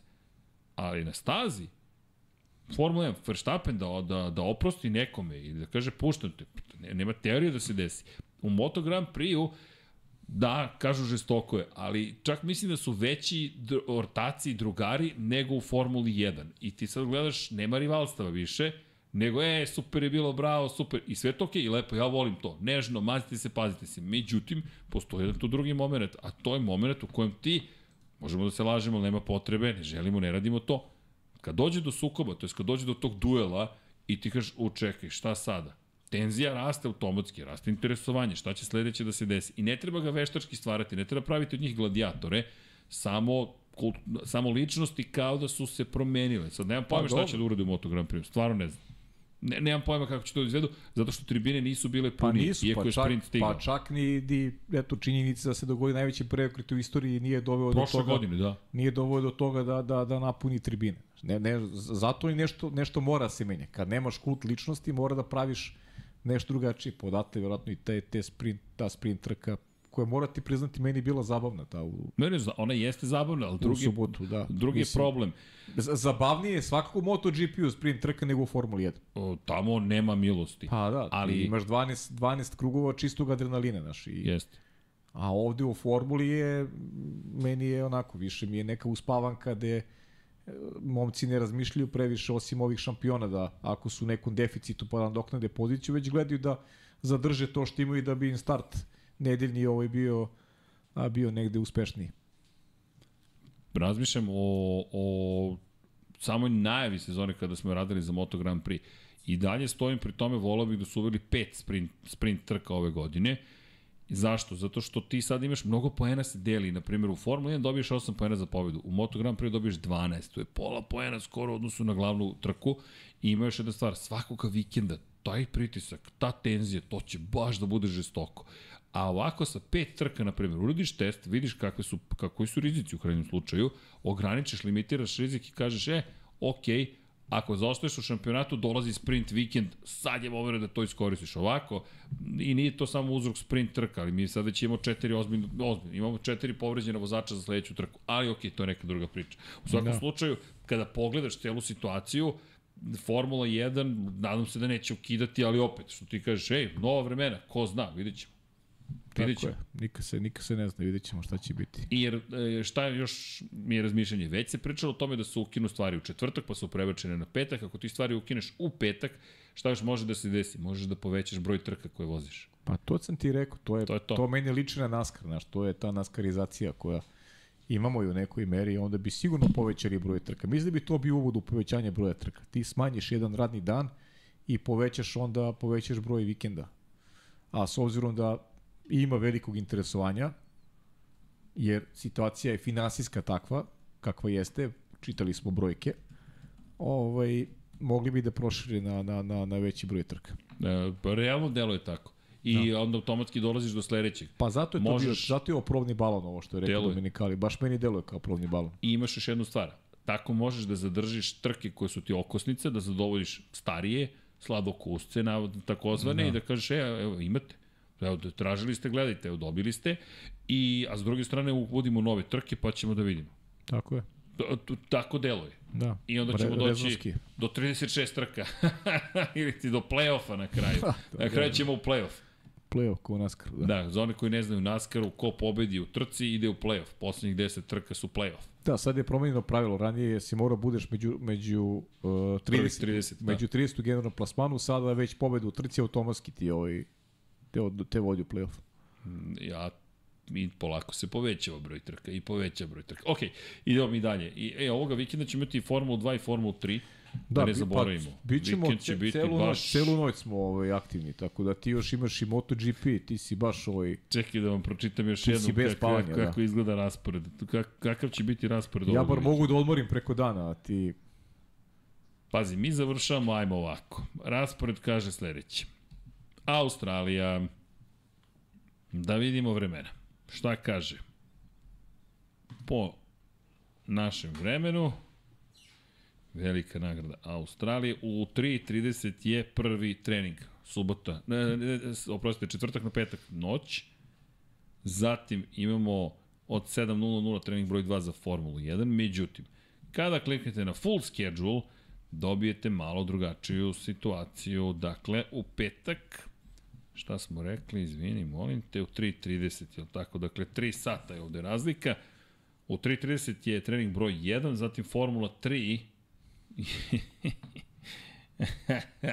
na programu je u 5 ujutro, zatim, da, da, da, kvalifikacije. Trening broj 2 je, jel te, u 7 ujutro za Formulu 2 i onda od pola 9 kvalifikacije Formule 2.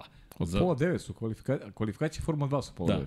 Da, da, u 8.30 ujutro. Da završavamo oko 9 ujutro. Da. Dakle, krećemo u 3.30, završavamo u 9 i onda imamo kratku pauzu pre nego što se ja vratim u 2 popodne da radim Moto Grand Prix trening broj, Moto, jel te, trening je broj 1 za Moto trojke, Moto dvojke i naravno za Moto Grand Prix. Šta još imamo posle toga? Sutradan, dakle petak na subotu, pričam samo o Formuli 1, da ne ulazim previše u Moto Grand Prix. Imamo sprint trku Formule 3, od 1.45 ujutro, da. tako da znate, to je prva trka. Zatim u 3.30 trening broj 3 Formula 1, zatim sprint trka od 5.20 Formule 2 i zatim kvalifikacije su na programu od 7.00 za Formulu 1. I naravno onda nedelja, glavni dan za, za trkanje. Pazi sad ovo, glavna trka Formule 3 u ponoć i 5 minuta kreće. Čekaj, mogu, ja sam mislio da je u jedan. Ne, ponoć i 5 minuta. Ponoć i 5 minuta. Uf osim ako se ne pomeraju. E, možda se pomera vreme da se... subota na nedelju u Australiji. U Australiji, moguće. Da. Da je to jedan. U Australiji se pomera, jer južna polulopta još nije promenila, ja mislim, vreme. Da, ima neki utisak da je u jedan, da, da, da, da je po naš... Ali do, nema veze, ajde. Neki Ali, u ponoć, ajde, u ponoć i ponoć imamo pauzu jedan, dok do... E, šta imaš? Imamo neku pauzu do pola tri, šta? Tako? Možemo da skuvamo čaj ili kafu i onda krećemo od 2 e, časa i 35 pa, da. minuta u trku Formule 2 i onda imamo veliku nagradu Formula 1 od 6 časova ujutro, 58 krugova. Ili je 7 zato što se onda sve pomera. Pomera Pravo se, pomera se. Dakle, u 1.05 je Formula 3. Jeste. U 3.35 je Formula 2, sad mi je tako lakše. Je, tako je. I od 7 ujutro ide Formula 1. Da, da. Tako da, celu noć ste sa nama. Opet imamo veliku pauzu između Formule 2 i... 2 i Formule 1. Formule 1. E, tu će vreće za spavanje da dođe do izražaja. To je top. Da. Pa dobro, napredovali smo. Pred 10 godina smo spavali na stolu, ovako spustimo ne, ali, glavu. Ali znaš da je ovo, znaš da je ovo prvi drugači. put, da je ovo prvi put ovaj, da je Formula 2 i Formula 3. Ne, ne, od kako radimo da. ti ja, da prvi put to noć imamo i pratići serije. Da, da, da. Nikad nismo imali do sada pratići serije da radimo, da radimo noću kad je recimo Australija, kad je Japan, kad je kad je Brazil. Ali, kao što smo rekli... Ne, vremena... Brazil nije, Brazil nije, Brazil nije, nego Australija, Japan, Kina. Vremena se menjaju. Hoćeš da te obradujem? Stvarno ću te obradovati. Ajde. To je jedina trka tog tipa koja se održava ove godine. Dakle, jedina poseta vremenskim zonama gde ćemo imati i Formula 2 je Formula 3, pa da. Formula 2 posle ovoga u Baku stiže, pa u Imolu, pa u Monako, Barcelonu, Red Bull Ring, Silverstone, Mađarsku, Spa zatim Zandvort, Monca i Jasmari. Ja sam se iznenadio što je Australija, ali pre, mislim, znaš kako, prepostavljam da je, da je razlog i ta jednomesečna pauza i ili možda eto malo i australijskoj publici da posle te pauze koju imala da predstave malo te momke koji ima pripada budućnost ovaj, u ovom sportu. Da, i, i ono što je velika takođe promena što će Formula 3 takođe doći u Monako, što se nije desilo od 2005. godine. Tako je, da. To se baš davno nije desilo i tako i zašto uglavnom su izbjegavali da naprave baš potpunu gužbu u gradu. Sad nema izbjegavanja gužbe, bit će baš zabavno. Da, promenje malo kalendar Formule 2 kada su u pitanju trke, jedino što ostaje ono, ona anomalija koja je bila i prošle godine. Ovaj duga pauza između predposlednje i posljednje trke. Da, u Formuli 3 toga, mada i Formuli 3, Formula 3, 30. jul, druga trka u, u Spa, i zatim 2. septembar, 3. septembar trka mesec jedan imaš. Pa dobro, jedan mesec, jedan ali okej, okay, to je pauza kao Formula 1, Jest. a ovde imaš... Tri meseca pauza. Baš Slušao, 3. septembra se završava glavna trka u Monci, 25. novembra je na programu trka Aha. u Abu Dhabiju. Dakle, još, još par dana i dolazimo bukvalno do tri meseca kasnije. Čak nije ni dva, tri meseca kasnije. Previše. Ali okej, okay, nadajmo se da ćemo imati šampiona zbog njih svih, ne, za, ne zbog nečeg drugog. Ali dobro. Jelimo u Australiji, eto, šta nam ostaje? U, čekaj, nisam vozio. Jao, pa jo. Mora da voziš. Jesi spreman? Čekaj. Spreman sam, ajde. I NASCAR, nismo pričali o NASCAR. Čekaj, aj for, formulu da odradimo ovu vožnicu. Gledaj sad Albert NASCAR, Park, da. kako se vlada Albert Park. Idemo. Inače nije vežbao pre emisije, da znate. Ja, Borin, pa zori. Pa nije, pa nisi šta. Ja te hvalim i on opet ovaj. Ljudi, ste videli, nije vežbao? Pa nije. Evo. ja sam bio. Samo moraš audio file uz video da upališ. Na kecu. AFV. To, i onda publika može da čuje takođe šta je na ekranu.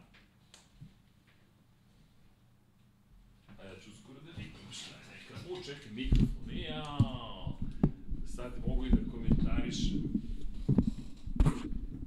Da probamo. E, nadam se da se čujemo. Publika, da li se čujemo? Pajo, da, da li da. se čujemo? To ti kažem. Bravo Srki, bravo Srki. Čekaj sad da vidimo. Restart lap, ili tako? Opa.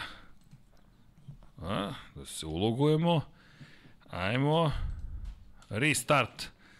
Neko se žalio, kažem, ajmo da vidimo kakav će da bude. Na šta smo zaboravili?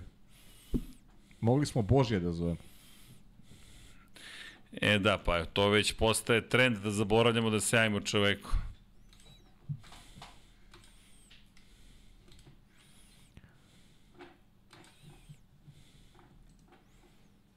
Boži, da li se čujemo? Ako pratiš, javi se. Pa nisam sišao sa staze. Ajde, dobro. Pa dobro si za prvi put. Pa jo. To ne izgleda loše uopšte. A, dobro, preagresivan. To je ta kletva. To je to, to je prvi put da sam to izleteo, to je ta drama. Ne, ne, ne, ne, ne, ne, ne, ne. Ne, ne, ne, ne, ne. Čekaj, čekaj. A, danas sam baš loš. To je zbog sajma. Da. Pozdrav za gospodina koji je rekao, to je ono što se blamira.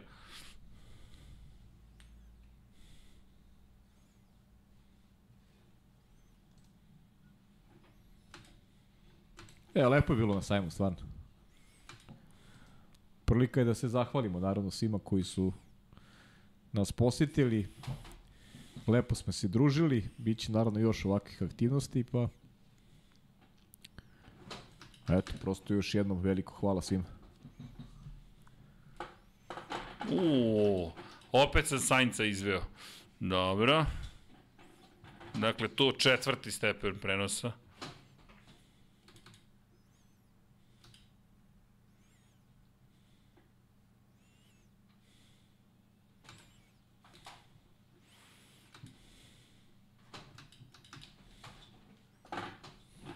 Alonso sam sad izveo, dobro, ovde treći stepen.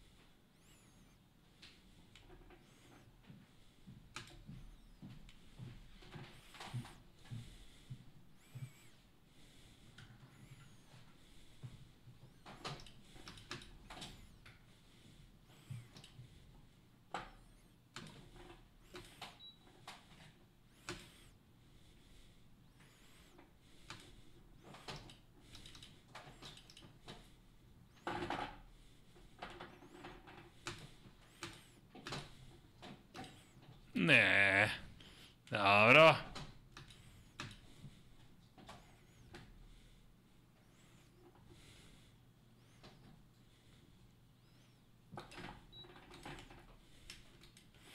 A, pa, jo, nisam bio loš. Iz kokpita. sjajan si za, za početak. Čekaj.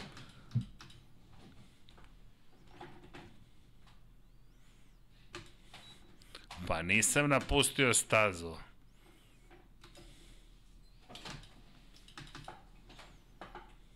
Sad sam napustio stazu. Ajde, ne moramo da mučimo baš publiku, idemo restart lap.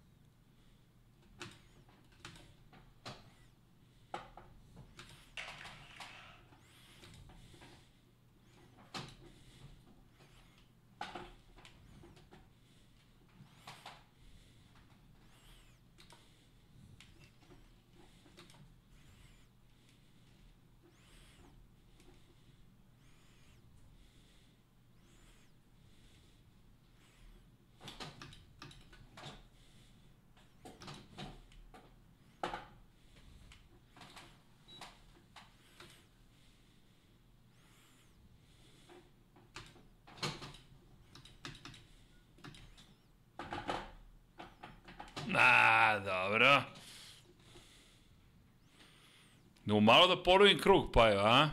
Da, da. Evo, još jedan i da završavamo Australiju. Gledat ćete ih 58.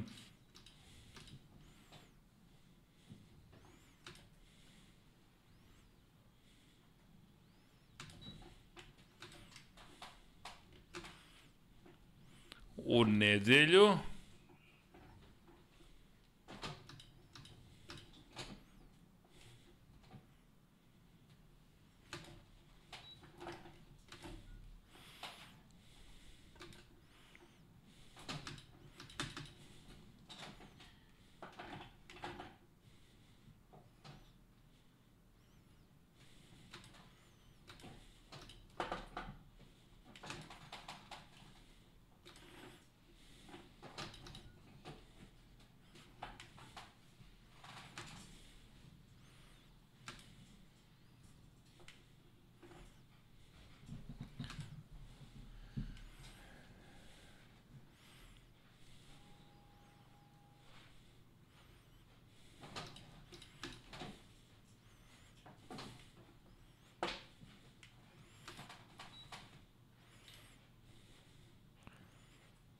Kakav krug.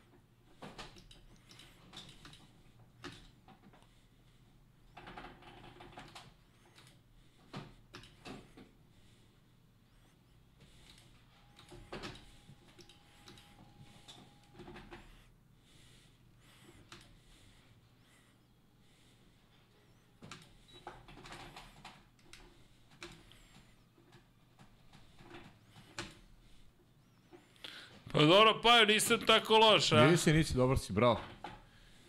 Završi, znaš da treba uvek kad je najlepše, to treba stati. Sada završim, a? Tako je. Sad dok još imam prednost? A,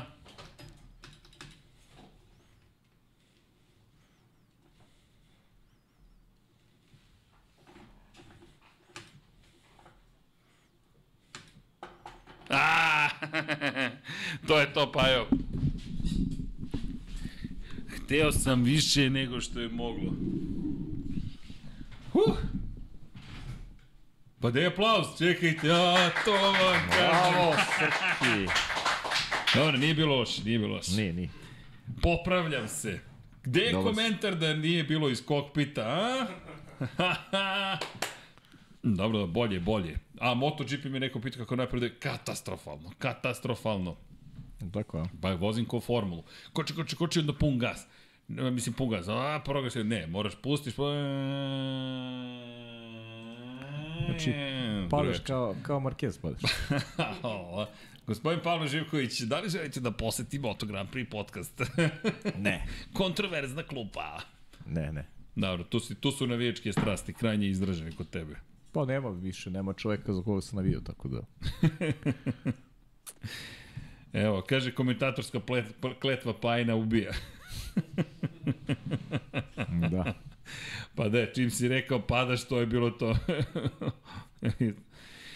E, e, to bi bilo to što se tiče glasanja. Ajmo ljudi, 496 glasova i udrite like. Čekajte, drugari, ajmo malo lajkove, dajte nam malo like. I još jedna molba, ali zaista, ko nije subscriber, nismo toliko naporni, ne brinite, nema tako mnogo videa, makar ne još, te četiri me nedeljno izbacimo otprilike, imate Formula 1, Moto Grand Prix, F1 Technical, 99 yardi, pod kapicom, to je pet komada koji tako imate, je. dakle, dve Formula 1, jedan Moto Grand Prix, jedan NFL i jedan Waterpolo, za sada. Ko zna, bit će jedan na jedan, to NBA će to da radi naša ekipa Draga, Miksa i, i Dobro, Vanja se spreme. Biće i futbol, ovaj da. Biće i futbol, tako je. Za one koji ne znaju, eto, i to se sprema čisto da znate. To ćete moći da uživate u kolegama. Bravurama kolege, Smiljana Banjica zajedno Tako sa gospodinom Brakusom. To će biti malo drugačiji pogled. Liga 5, pa eto, pratite. Svašta nešto smo smislili. Ma ima još, ko zna šta nas sve čeka. I tako, Srki vozi MotoGP, nije lošije od... ne, ne, ništa lošije od meme, evo, već krećem prozor. NASCAR, da ne zaborimo da, NASCAR. Da, da ne zaborimo NASCAR. Ok, e, NASCAR nam je spojio se sa Formulom 1, s obzirom na činjenicu da smo otišli u Kotu, klasična staza. Inače, Jenson Button, moram da samo napomenu njegovu izjavu, rekao je da je e, bio prestravljen u jednom momentu, da neće za moći, moći da stigne do cilja koliko, se, koliko mu je fizički bilo zahtevno. Dakle, toliko se skuvao zapravo u, u mhm. kabini. Kaže, popio se jedno 7-8, ako ne i 9 bočica vode i još uvek mi nije bilo dovoljno da potpuno sam dehidrirao, nisam mogao da izdržim. To govori čovek koji je vozio Formula 1, koji je fantastičnoj fizičkoj pripremljenosti dan danas, rekao je, na ovo nisam naviku, potpuno si pa, zatvoren. Dobro, drugačije, drugačije. Zatvoren si, tri po sata traje, no, stalno ideš iz trkanja u pauzu, košun periodi, o, promena gume, izbor kada otići, da, da, da. Znaš, i, i NASCAR je kompleksan generalno, znaš, iz, iz, iz tog pogleda, znaš, ti, ti prila pokušavaš da, u stvari, da prevariš, da, da, da, da budiš, da prevariš igru, u stvari, znaš, da negde predvidiš Da li će možda biti košana u završnih 10 krugova, da, da, da odeš možda uh, jedno manje na zamenu guma i tako dalje i tako dalje. To je, to je ovaj, kompleksna igra. Eto, Kimi Rekone, sam i Boris, po ja sam gledao sam trku i zaista je Kimi u jednom momentu Kimi u jednom momentu u pet ili šest krugova pre kraja bio na petom mestu. Ali pojeli su ga gume. To je ono. Pojela su ga gume, znaš, da, Nemaš da, iskustvo, ne znaš je, u da kom momentu da šta da bile, da su bile ma, malo drugačije, da se trka odvijela. Eto, možda je mogo da završi na nekom baš onako sezećilom mestu. Po petom mestu bi zaista bilo fenomenalno za neko ko vozi drugi put ovaj NASCAR. A inače, samo da pohvalimo pobednika, dakle, taj Redik je do, zabeležio pobedu, ali ono što je fascinantno, pratio sam Božijeve tweetove i šta je sve pričao o trci, čovjek koji vozi inače za 23.11, to je XI Racing, da. ako se pitate čije, čija je ekipa za koju vozi Tyler Reddick, pa Michael Jordan spomenuti i Danny Hamlin. Tako da ekipa koja vozi, koristi Toyota inače, I ono što je bilo zanimljivo, Bože koji je konstantno zapravo pričao o tome da je prednost koju Tyler Reddick imao na samoj stazi dozvojila ekipi da sipa gorivo mnogo ranije i da mnogo češće može da odradi promene goriva, zato što je prednost u promene brzini, guma. promene guma, tolika je bila zapravo da su oni mogli da kontrolišu trku. I zaista izgledalo fascinantno kada pogledaš kako su oni nastupili, svaka čast za, za odveženu trku, pobjeda koju ih vodi sad u play-off, Tyler Reddick je obezbedio sebi prolazak da, u play-off. Da, ti, ti imaš jednu grupu mlađih vozača koji su se specializovali za vožnje na klasičnim stazama ili na ovim kombinaciji ova, rovalima takozvanim Ovo, i Chase Elliot, i Tyler Reddick, Ross Chastain recimo koji, koji sjajno vozi na, na klasičnim stazama. A, a ranije si imao recimo i J. Almendingera od, od te starije garde i ti znaš da on vozi super u Watkins Glenu, vozi super na tim klasičnim. Sada ima više ovih klasičnih staza i ima više tih rovala, što daje mogućnost momcima koji možda nisu na, na klasičnim ovalima, ovaj, ne mogu da se bore sa Loganom, Bushom, sa ovim zvezdama uh, Naskara, tako da znalo su u principu da su tu Redik, Roche Stein, Almen Diger se, Almen Diger imao problem sa radiokomunikacijom, recimo, Almen Diger dugo nije čuo, ekipa traži od njega. Kad može u boks, kad treba da menja gume, izgubila mu se veza sa, izgubila mu se radio veza i to je bio njegov hendikep. Ali jedna, jedna lepa trka koliko sam ja gledao. Nisam gledao celu, ali sam ovaj, taj finiš ja, finiš sam odgledao i baš bilo žao što Kimi nije uspeo. Kimi na kraju bio, ako se ne 27. a Jenson Button je bio 15. E, da, da, Baton ne znam tačno koja mu je konačna pozicija. Mislim da je 15. bio Baton. Baton je bio bolje plasiran. Da, bio je bolje plasiran od Kimi, ali Kimi... Dobro, bio je kontakt između njih dvojice jednom jeste, trenutku. Kimi, to Kimi ima odličnu šansu u finišu, međutim, međutim ovaj, stare gume su... Pojeli su ga stare gume prosto. Da, ali zanimljivo mi je, zanimljivo kad nas klasične staze odu naskar vozači, s obzirom na činjenicu da toga nema tako mnogo. Nema, nema mnogo, da. I onda je zabavno kad ih vidiš čuveno, ovo je staza na kojoj će ti skretati i u desno. Aha, okej, okay, čekaj, moramo skrećemo pa, u desno. ti si imao Srki, ono, perioda kada smo ti ja radili intenzivno, imao si Watkins, Glenn i Sonomu. To su bili jedine dve klasične staze. Nisam siguran da je Sonoma i dalje u kalendaru. Ne mogu Sad ću ti reći za ovu sezonu. Da, ali ovaj Watkins Glen jeste, tako da i ima sad tih rovala. Mislim da je to publici pogotovo, je to ono što nas radi. Ovaj prilagođa, prilagođavanje evropskom tržištu, publici Evrope. Interesantnije nam je svima da gledamo tu kombinaciju ovala i rovala. I, i nekako iz mog ugla više bih volao da bude, da bude tih trka, jer realno ovali, klasični ovali, pogotovo oni mil, milju i po dugi, što jeste osnov, osnovni neki naskar. Vozi se sa noma, izvini. Vozi se. E, meni, su, meni su to negde i onako i najdosadnije bi možda, jako, jako je to nešto što je osnova naskara. U krajnjem slučaju na stazama od milju i po se i završava naskar sezona. To je ona posljednja trka u kalendaru, nije važno gde se održava, ali ali na tom klasičnom ovalu dobijamo šampiona ovaj NASCAR. Da, ali ovo što ti je zanimljiv pogled, mi kao evropljani, kako nam se približava NASCAR, tako što ubudiš staze na koje smo mi navikli pa, zapravo tako je, tako i na taj način spajaš kontinente, pri čemu šta je sve uradio NASCAR, uveo etape, etapne pobede, to je bila, bio jedan od poteza. Zatim, ono što je uveo, ljudi nemojte zaboraviti kako smo mi otvorili zapravo sezonu, dakle to jeste neka vrsta uh, hajde da kažemo, zagrevanja za godinu, ali mi smo bili u Los Angelesu u Koloseumu, dakle vozi se u Koloseumu jedna trka koja se ne bude da. za šampionat, ali opet to je spektakl. Zatim, imamo jednu bitnu stvar koju vozimo u Bristolu, Vozimo po šljaci, po zemlji. Po zemlji, dakle, da. ljudi, to je... To, to je početak NASCAR. To je, po, to je bukvalno to, vratili smo se u, prošlost. Pa to je oda, to je oda prošlosti, Tako bukvalno, je. i tim početcima NASCAR. Ali je tu. Zatim imamo te milju i po stazi, imamo super speedway, da. dakle mi čime otvaramo Daytona, Daytona, da. Daytona super speedway otvara sezonu, to je najveća trka godine. Zatim, kada govorimo o Ostinu, idemo na klasičnu stazu Circuit of the Americas, Pa onda idemo na, na imamo one Bristol. kratke, imamo one Martinsville, one short, short track, dakle. da, milju, milju duge staze i ima, mislim da čak... kao da si u, u da, kuti šibica, Mislim da je čak Martinsville i kraći od milju. Pazi, za Martinsville, da, nisam siguran, ali šta je bitno takođe? Šta je takođe uvedeno ove godine? U Chicago se vozi ulična trka. Da, da, da. Dakle, mi imamo i u Chicago Street Course, klasičan yes, yes. Grand Park 220, u sred leta se vozi u, u Chicago trka. Tako da NASCAR je dosta toga uradio da približi stvari. Zadržao Watkins, gledaj, eto i Sonomu nisam bio, i nije ja nisam bio siguran da Sonomu, zaista. Ali eto, zadržano je i ti onda pogledaš i kažeš, ok, dakle, ovaj sport polako li sigurno se menja, stvari koje se uvode su dosta drugačije. Pa, Martinsville, evo, 0,53 milje, 0,526. Da.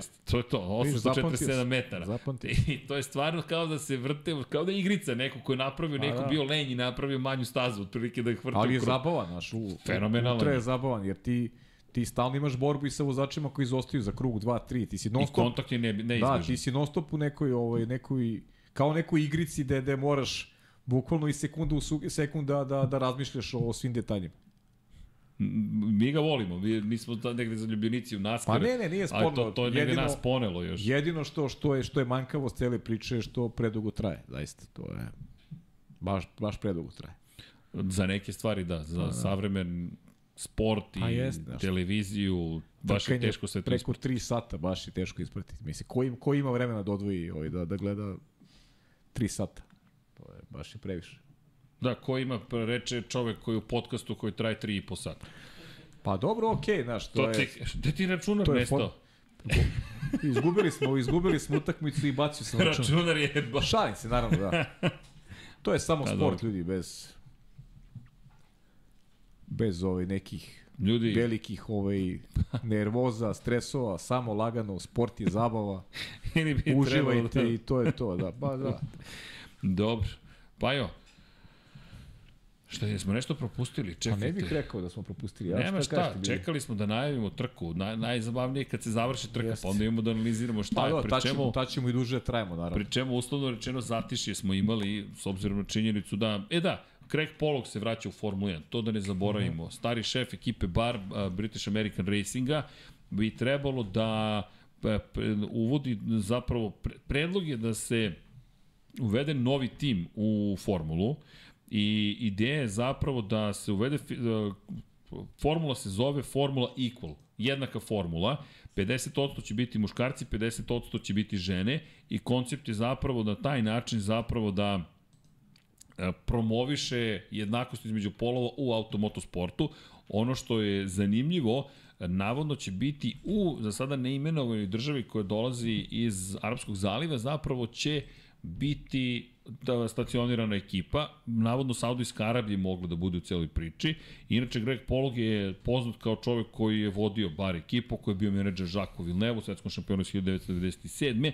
I ono što je zanimljivo u toj celoj priči jeste da je to sada navodno još jedna nova ekipa. Uz prijavu koju imaju Cadillac i Andretti, eto 12. potencijalnog tima. Naravno, ne znamo šta će biti sa Alfa Taurim. E da, Alfa Tauri, da ne zaboravim, priča se da će možda obrisati ime Alfa Tauri i da, da će se vratiti na neko ime, da li vratiti na Toro Rosso ili nešto drugo, ne znam, ali su rekli da Alfa Tauri sam po sebi ne isplati se dovoljno kao promocija robne marke. Pričemu ono što je bizarno, Alfa Tauri je do, nedostupan u većini zemalja na planeti Zemlji, nije robna marka koja je, da kažemo, masovno dostupna, samim tim promovišeš u sportu koji je sve masovniji, nekako nema smisla, evo, o, o, ajmo do butika Alfa Taurija e, kad hvatamo avion ili idemo u automobil.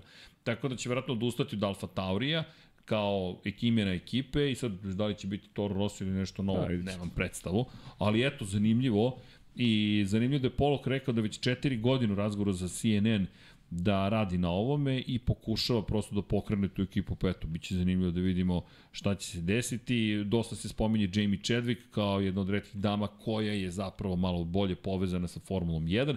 F1 Akademija stiže. Problem sa F1 Akademijom je što je za maloletne zapravo devojke. Šta je tu problem? Pa Jamie Chadwick i ostale devojke koje su se takmičile u W seriji nemaju šansu da učestvuju u F1 Akademiji. I, I to je onako dosta surovo. Dakle, vi ste se već ostvarili u automotosportu, za vas nema mesta u nečemu što treba da promoviše devojke u automotosportu. E. Okay. Ako već pričamo o jednakosti, pa što ne bismo i o ponuletnima pričali, možda suludo zvuči što, ja ne znam, mi koji smo stari od 45 da budemo uskraćeni za šansu makar. Tu je zato Fernando. Ali žalu na stranu, bit će zanimljivo vidjeti kako se to dalje razvija i držim palče da ćemo dobiti mi više ekipa, kako god da se postave stvari. Ono što je međutim mnogo važnije u celoj priči, ne samo da bude 50-50, već da bude dobar tim i da imaju dobrog proizvođača motora, da im nađu pravog saradnika, partnera, kako god da zaista to bude konkurentna ekipa. Da ne bude samo neki marketički projekat ili neki polu pokušaj, zato kažem zašto sam oduševljen. Evo, bar je primer. Red Bull nije odustao. British American Racing je nestao. A Red Bull je rekao, ne, mi smo ovde. I ostaju, i ostaju, i ostaju. I sad su jedna od okosnica Formula 1. Jer samo zamislite Red Bull sada da kaže nećemo više u Formula 1 da budemo.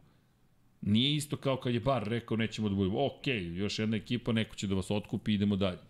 Red Bull Oni je su bili prolaz, baš nešto. Bili su prolazni. Tako je. Pa evo, to je momci ovdje koji sede. Svaka čast. Dajemo za Red Bull. To I Ferrari isto svaka čast. Za, za sve, za sve pa, decenije. Ferrari je, Ferrari je Ferrari je za sve, za sve generacije. Pa Ferrari je van vremenski, bukvalno. Ferrari je ekipa, pa jeste, Ferrari je, bez Ferrari ne možeš zamisliš ovaj Formula 1. Da, inače Ferrari koji je nezadovoljan tom korelacijom između simulatora i staze, pa se i tu menjaju stvari, pa ćemo da vidimo, hajde, čekamo da se tu desi neki pozitivizam, da vidimo malo napretka. Znaš, Red Bull je mlada ekipa i napravili su mnogo za, za ovaj period koliko, koliko su aktivni u Formuli 1, zahvaljujući Fetelu koji je bio šampion, pa evo sada Maxu Verstappenu, imaju Oni već sad imaju dva vozača koji su obeležili istoriju ovog sporta. A Ferrari je onako neki ovaj, neku vezinu tkivu i za stariju generaciju, ima dosta i, i ovih mlađi koji su takođe ovaj, navijačkim ovaj, nekim strastima i opredelenjem ovaj, uz, uz Ferrari. Tako da potrebno je vreme i Red Bull mislim da će samo da će taj neki imidž ovaj samo biti samo rasti generalno sa sa sa rezultatima i da će imati još veću navijačku bazu. Nemam dilemu oko toga. Pa vidi, kako sada stvari stoje. Samo je pitanje, ono što sam rekao s početka, kako će izgledati struktura neka od 2026. Kako će to ovaj,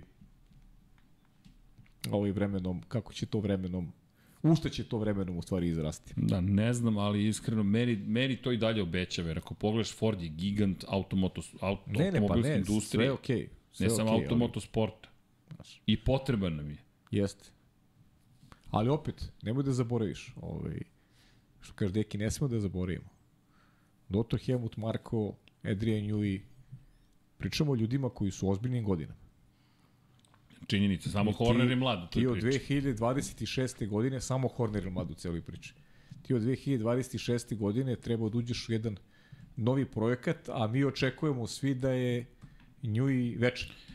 Znaš, da, da će oni sa Pazi, 64 godine. Pa, on će... Dve... Ima on tu još on, da Pa dobro, ali on će 2026. godine imati 67 godina.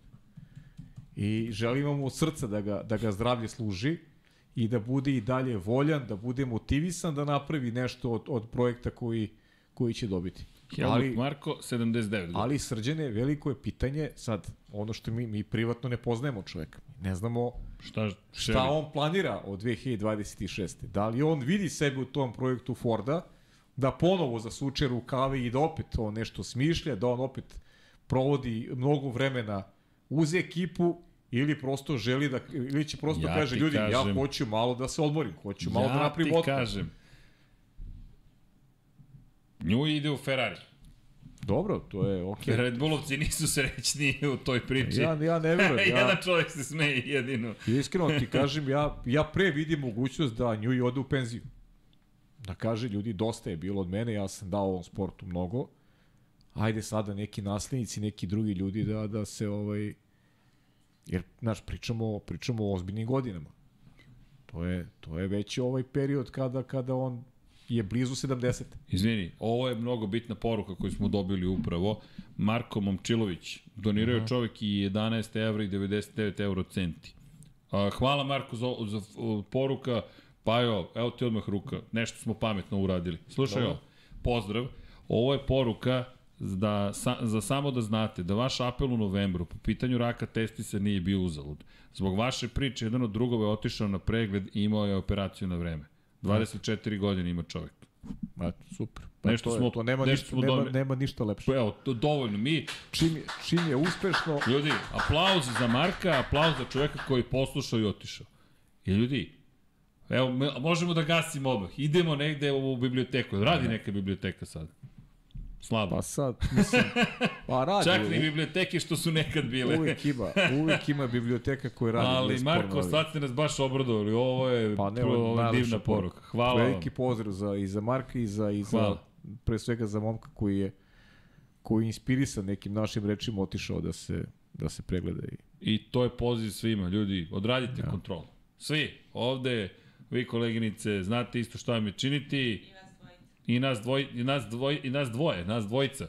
Dakle, šalim se naravno, ali odosmo, da, moramo i tim, ja moram da proverim e, tiki taka, da ne bude i ti zajli Kler. moram da oni koji ne znaju, gledajte, alo, alo. Ali da, ja imam, ja imam neke druge da. stvari koje moram da obavim, da. Ti za Leclerc. Uh, e, Slavko Krstić kaže, ja samo želim da kažem da se ja taj koji je nosio kačket Pereza, verovatno s bratom Mexico Edition i bilo je zadovoljstvo pričati srđanom toko sajma, ne se, nego želim samo da me prepozna u. Slavko, prepoznam, zadovoljstvo je s vama bilo prič, pričati. Uh, da, uh, Zoran Cimeša, čekajte, Zlatko, gde je Zlatko stigao? Ko Zlatko? Jeste pričali u Naskaru? Ko? E, Zlatko, da smo pričali u Naskaru? E, Da, inače... Minuta, minuta 16. Minuta 16. da, i produžili su trk, trku, jeste. Jeste, pa da. Produžili koš, su koš, ali to je normalno u Naskaru, to se produžava dok se ne završi. Zlatko, sve smo pokrili i, i, i Baton i Rajkonina i sve smo. Jeste. Kaže, Boris Trutin Užice radi. Da, Užice radi 24 sata, tako da. Ko nije bio, neka od nije- Kaže Vladimir Subotić, veliki pozdrav više. Pravac autokomand. Pravac. e, nismo se hid hidrirali. Nismo, ja Stvarno sam, čaj, ja sam nema. presušio. Nema, nekad je možda i bila voda, sad više ni toga Da. nema. Sad. Mm. Niti čitamo, ništa, samo spavanje, pu, kuća, posao. Ali, posle, da. da. da, veliki pozdrav, više puta ste pomenuli da će Red Bull osetiti posledice kazne u drugoj polovini sezone. Na polovini Ne, ne, sezone. ne, ne posledice, nego da će drugi biti bolji. Ovaj, neće oni osetiti neke ogromne posledice, oni će biti to što jesu, ali ja mislim da će drugi da napreduju, da će drugi smanjiti razliku. A to, to, smo, to smo rekli, makar sam ja to rekao. Da, ide, pa, pa, ko je, da li će osetiti posledice? Osetit će. Koliki će biti? Pa, kada pogledate trenutno stanje stvari, da li će biti relevantno? Ono što je pitanje je kako će se odraziti na boli za 2024. Tako ali, je, tako je. ako smem, Muđela Rabijata 12 lepo kaže, napravit će im ove godine, verovatno za Red Bull i Njujija, koncept za 2026. Pošto ima vremena koliko hoće, pošto za ovu godinu Da. već obezbedio titulu. I to je to. Da, možda odmara malo. Možda da. odmara i sad Da se sačuva. prebacuje na 2024. i kaže, ok, manje vremena, Dobro, ali- nema problema. Ne može da radi ništa za 2026. To, to je rano još. To je rano i drugačiji će koncept biti jer, jer znaš, sad sarađuješ sa nekim novim i a bit će tu dosta posla. Zato sam malo skeptičan kako će sve da izgleda, znaš, i, i zbog Forda, Da, da. a i zbog ovaj, znaš, mi sta, konstantno pričamo o, o, ljudi, o ljudima koji vode Red Bull, a zaboravljamo u kojim su oni godinama. I, sa izuzetkom Kristijana Hornera. Dobro, to stvarno je- ne znam. A zašto ti kažem, ta meni priča, Hamilton, Newey, Ferrari, E, ovde svi odmahuju glavom. ne, ne odmahuju svi. Ferrarijevac ima osmeh na licu, ali e, ne diram vam nju, ljudi, Red Bullovci, da se ne vidite. Ja samo Hollywood pravim od cele priče, to, to, to, to. Da, Srki, Srki voli malo da mašta. pa dobro, malo. Takav je tip. ali, ali, ali, da, koliko će biti posljedice, to nemoguće proceniti. Trenutno deluje da ih neće mnogo po, Pa ne, povrediti. neće, ne verujem mnogo, ne, ali bit će dobro ovim rivalima, smanjit će razliku. Da, kaže inače Muhamed Hajdari, da li ste čuli da je Rimac sarađivao sa Njujem u projektu Valkiri? A, nisam čuo za to, Iskreno ali... ja. Ne, Muhamed nas je pitao, ovo je Branislav Dević, da li možemo da, da organizujemo razgovor sa, sa Rimcem?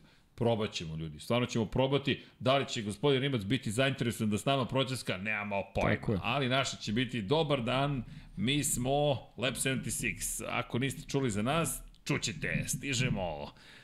Električnim kombijem ćemo Pa da dobro, dođemo. znaš kako, to, to iskreno, kada, kada bi pristao, nije ovaj, da, Zagreb daleko u krajnjem slučaju. Kakav? Znaš, ako čovjek ne dolazi ovde, Planiramo. znaš, za neki razgovor otići tamo i to je, to je Ma, potpuno u redu. Pa Znaš, da. nema, nema šta. Ako nekim njegovim poslovnim obavezama to više odgovara, zašto ne? To je ovaj, dobra opcija. Ma mi hoćemo da odemo i da, da, da, od, da, da razgovaramo sa ekipom koja pravi kućnu raketu u Hrvatskoj. Dakle, to su vam klinci koji su mlađi od 18 godina. Kako se zovu? Nukleus... Nukleus. Nukleus, dakle, e, Nukleus kako? Aerospace. Da, Nukleus Aerospace. Ne, ne morate da budete Ante Rimac, ne morate da budete poznati, ne morate da budete, ako vi imate uh, tu strast da hoćete da lansirate raketu na sodubi karbonu, otprilike u svemir, mi ćemo doći da pričamo s vama. Da, e, to je ona čuvena pojnta. E, pričat ćemo s tom kad uspeš. Znaš, kako se zoveš? Novak Đoković, koliko imaš 12 godina? E, javi se kad budeš uspešan. Ne, no, ajte podržimo. Ko zna gde su Novac i Đoković ili kako god da se zovu i gde god da žive. I to jeste jedna od lepota naših, na, na, na, na, naše slobode da mi radimo šta god hoćemo. Tako da ćemo mi da odemo da pričamo s tom ekipom. Morali smo, zapravo sam ih prvo zvao u studiju i kaže mi smo maloletni, prekinite razgovor, dajte mi staratelje. Tup, e, pošto tako je vreme sada, nema da. razgovora s maloletnim licima. Ali činjenica je da je to, to su to neki naši snovi, pa hoćemo da vidimo šta su oni to izmislili. Negde iz okoline Zagreba planiraju da lansiraju Mario Kiri 1 na prvo na, na, kilome, na 100 metara, kilometar, pa idu na 10, pa onda jure 50, pa 100. Imam ceo, u rancu mi ceo projekat, čekaj. Sve sam zapisao. Mor, ne, moramo da im napravimo promociju, zato što ti ljudi su, ta deca, momci, devojke su suviše divni. Evo, bio sam u ne znam kom restoranu i diktirali su mi. Vidiš pa, ja sam ponekad analogan, Da. ali, inače imaš tu na meni za 15 kuna. Tako da, kaže Nucleus Aerospace, e, raketa, kilometar, jure, zatim imaju e, plan da idu u pet, da, u pet etapa, da dođe 132 metra im je bio prvi let, Zatim 1000 metara, 10 km, 50 km, 100 km 2024. Ove godine planiraju da dođu do 50 km. Ne znam dokle su stigli trenutno. I nadam se da ćemo uspeti da odemo da ih posetimo, da ih... Da, inače, imate, imaju motor, padobran, računare, sve su sami radili, a prave od šećera i alkohola kalijum nitrat zapravo. I na taj način koriste gorivo, ne šalim se, ljudi, to su momci, devojke koji su srednje školci, koji prave raketu u okolini Zagreba, inače jedna regionalna ekipa, imate, imaju svoje drugare i drugarice, toliko su mladi, ne znam koji bolji termin da upotrebim i u Srbiji, ja mislim u Bosni i Hercegovini i tako dalje. Tako da mi ćemo da ih podržimo, da se za njih malo više čuje, očekujem apsolutno nula podršku država u okolini svih, tako da vas molim da pogledate Nucleus Aerospace na Instagramu i da ih podržite jer im zaista treba svaka moguća podrška. I koristimo flagrantno mogućnost da pričamo sa vama i da vam kažemo da postoji ti neki neverovatni ljudi. E, mislim da gospodinu Rimcu nije potrebna posebna promocija, ali usput zapratite naravno i Rimac. Tako da, eto, širimo neke lepe stvari, stavit ću to i pinovaću njihov Instagram, podržite ih ljudi.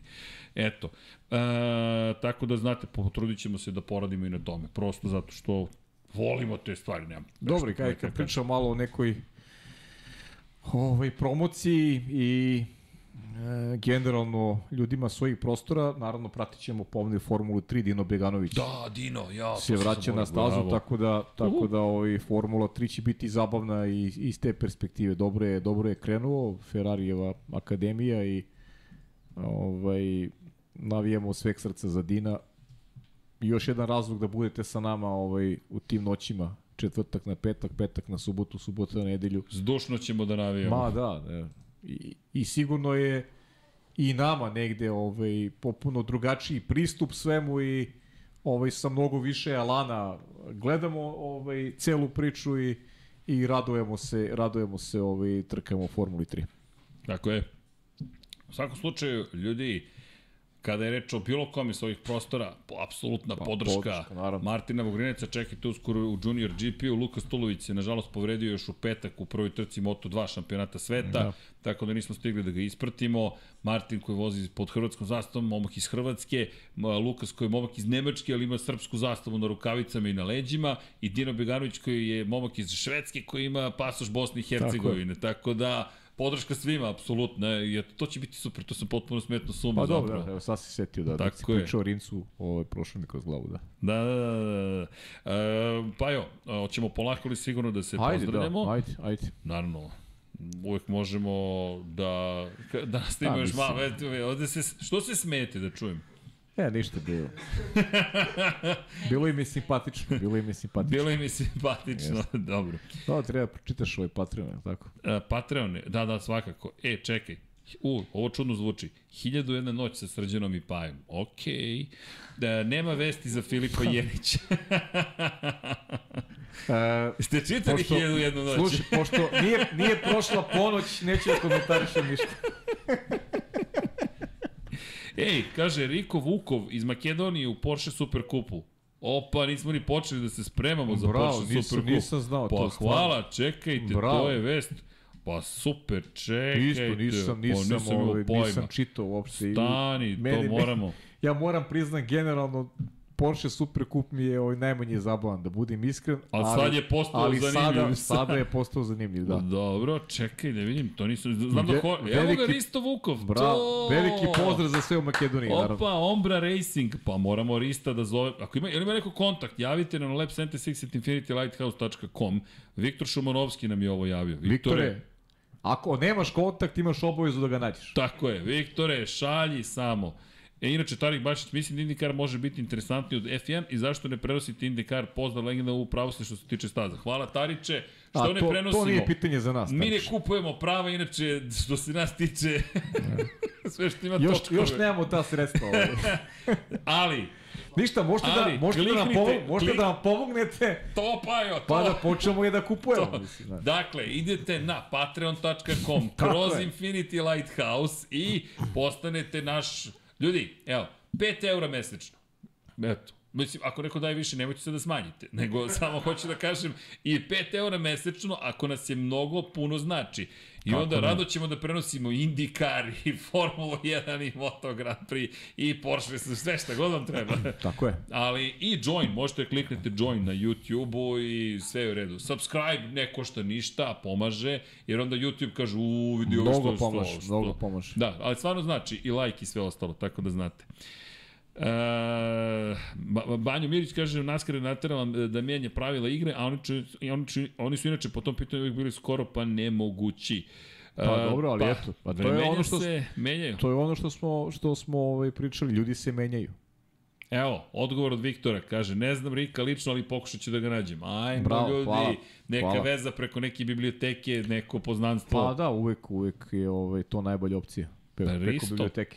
Pazi ga, Risto Vukov, lepo, za Ombra Racing, Kegan Masters i Ricardo Pera će voziti zajedno s njim. Pa imamo za koga da navijamo. Pa je. odjednom je Porsche Supercup postao mega zanimljiv. Inače, Jorge Lorenzo će ove godine voziti celu sezonu u Porsche Supercup. Za one koji ne znaju, trostruki šampion sveta u Moto Grand Prix i osvajaš dve titulu 250 kubika. Naravno, motociklizam je u pitanju, a Jorge će biti u Iber Racingu, dakle sa Jakintom, sa Simonom Jakintom, zanimljivo. Pablo Marcelo Otero, Argentinac i Leon Keller će biti zajedno sa njim u ekipi. Leon Keller, dobro. I Simonija Kinte, ovo je sad njegova već, koja, treća godina? Druga godina, stvari. Da, i pošto nema broja 99, Lorenzo dobio 9. Iskusno. Igra špica. Da, da. I naravno, broj 911 je rezervisan za gostujućeg vozača. Da, da, da, to A ona klasika. koja zanima Porsche Supercup sezona počinje 21. maja i bit će u Imoli, prva trka. Pa onda ide Monaco, Red Bull Ring, Silverstone, Hungaroring, Spa, Zandvoort i Monza za završnicu sezone. I hoćemo treći put da se pozdravljamo polako li sigurno. E, Ne, neko pita, imamo nešto, čekajte, ovde neko pokazuje mi.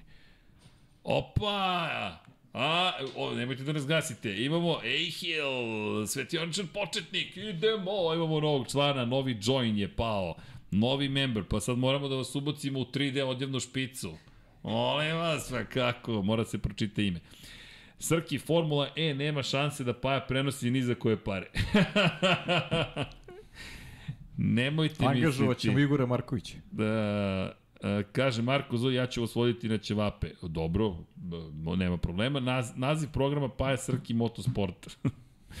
može. Alonso može da pobedi na stazama niske brzine kao Monako, Singapur, Mađarska imaju brzine u krivima protiv Red Bulla i sve gube na To, pravcu. s- slažem se. Nadine, zato Dobro- zamislite kvalifikacije u, u, u Monaku. Pa da, ali oni su preduslov.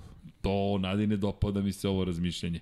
Ovo je super. E, ostavit ću još uvek da stoji ova anketa, pa neka stoji makar neka. Gamer igrice Red Bull bojkotuje vozače, vozača srca zbog komentara Abu Dhabi. E da, to nije proverena informacija, ali da ne zaboravimo to, navodno je Bernd Mailander izjavio da je tokom trke u Abu Dhabi 2021. u poslednjim krugovima, kada je rečeno da se skloni sa staze i dozvoli trkanje u poslednjem krugu, se pitao šta, šta se upravo dogodilo, čemu sam ja prisustvovao. Navodno, kažem navodno jer nisam dobio dovoljno potvrda, možda samo kasnim sa informacijama, ali da ne širim informaciju, a da nisam siguran. Poslušajte ovo. Navodno Red Bull bojkotuje Berna Mailandera. I to je malo bizarna priča, ali kažem, to je na nivou trača trenutno, ali ćemo ispratiti svakako šta se tu događa, da li ima neke istine u tome. Automotor sport je nešto javljao, ali čekamo da bude pouzdana informacija. Svakako, čim spomenete Abu Dhabi 2021. Pff, svi su zainteresovani za to.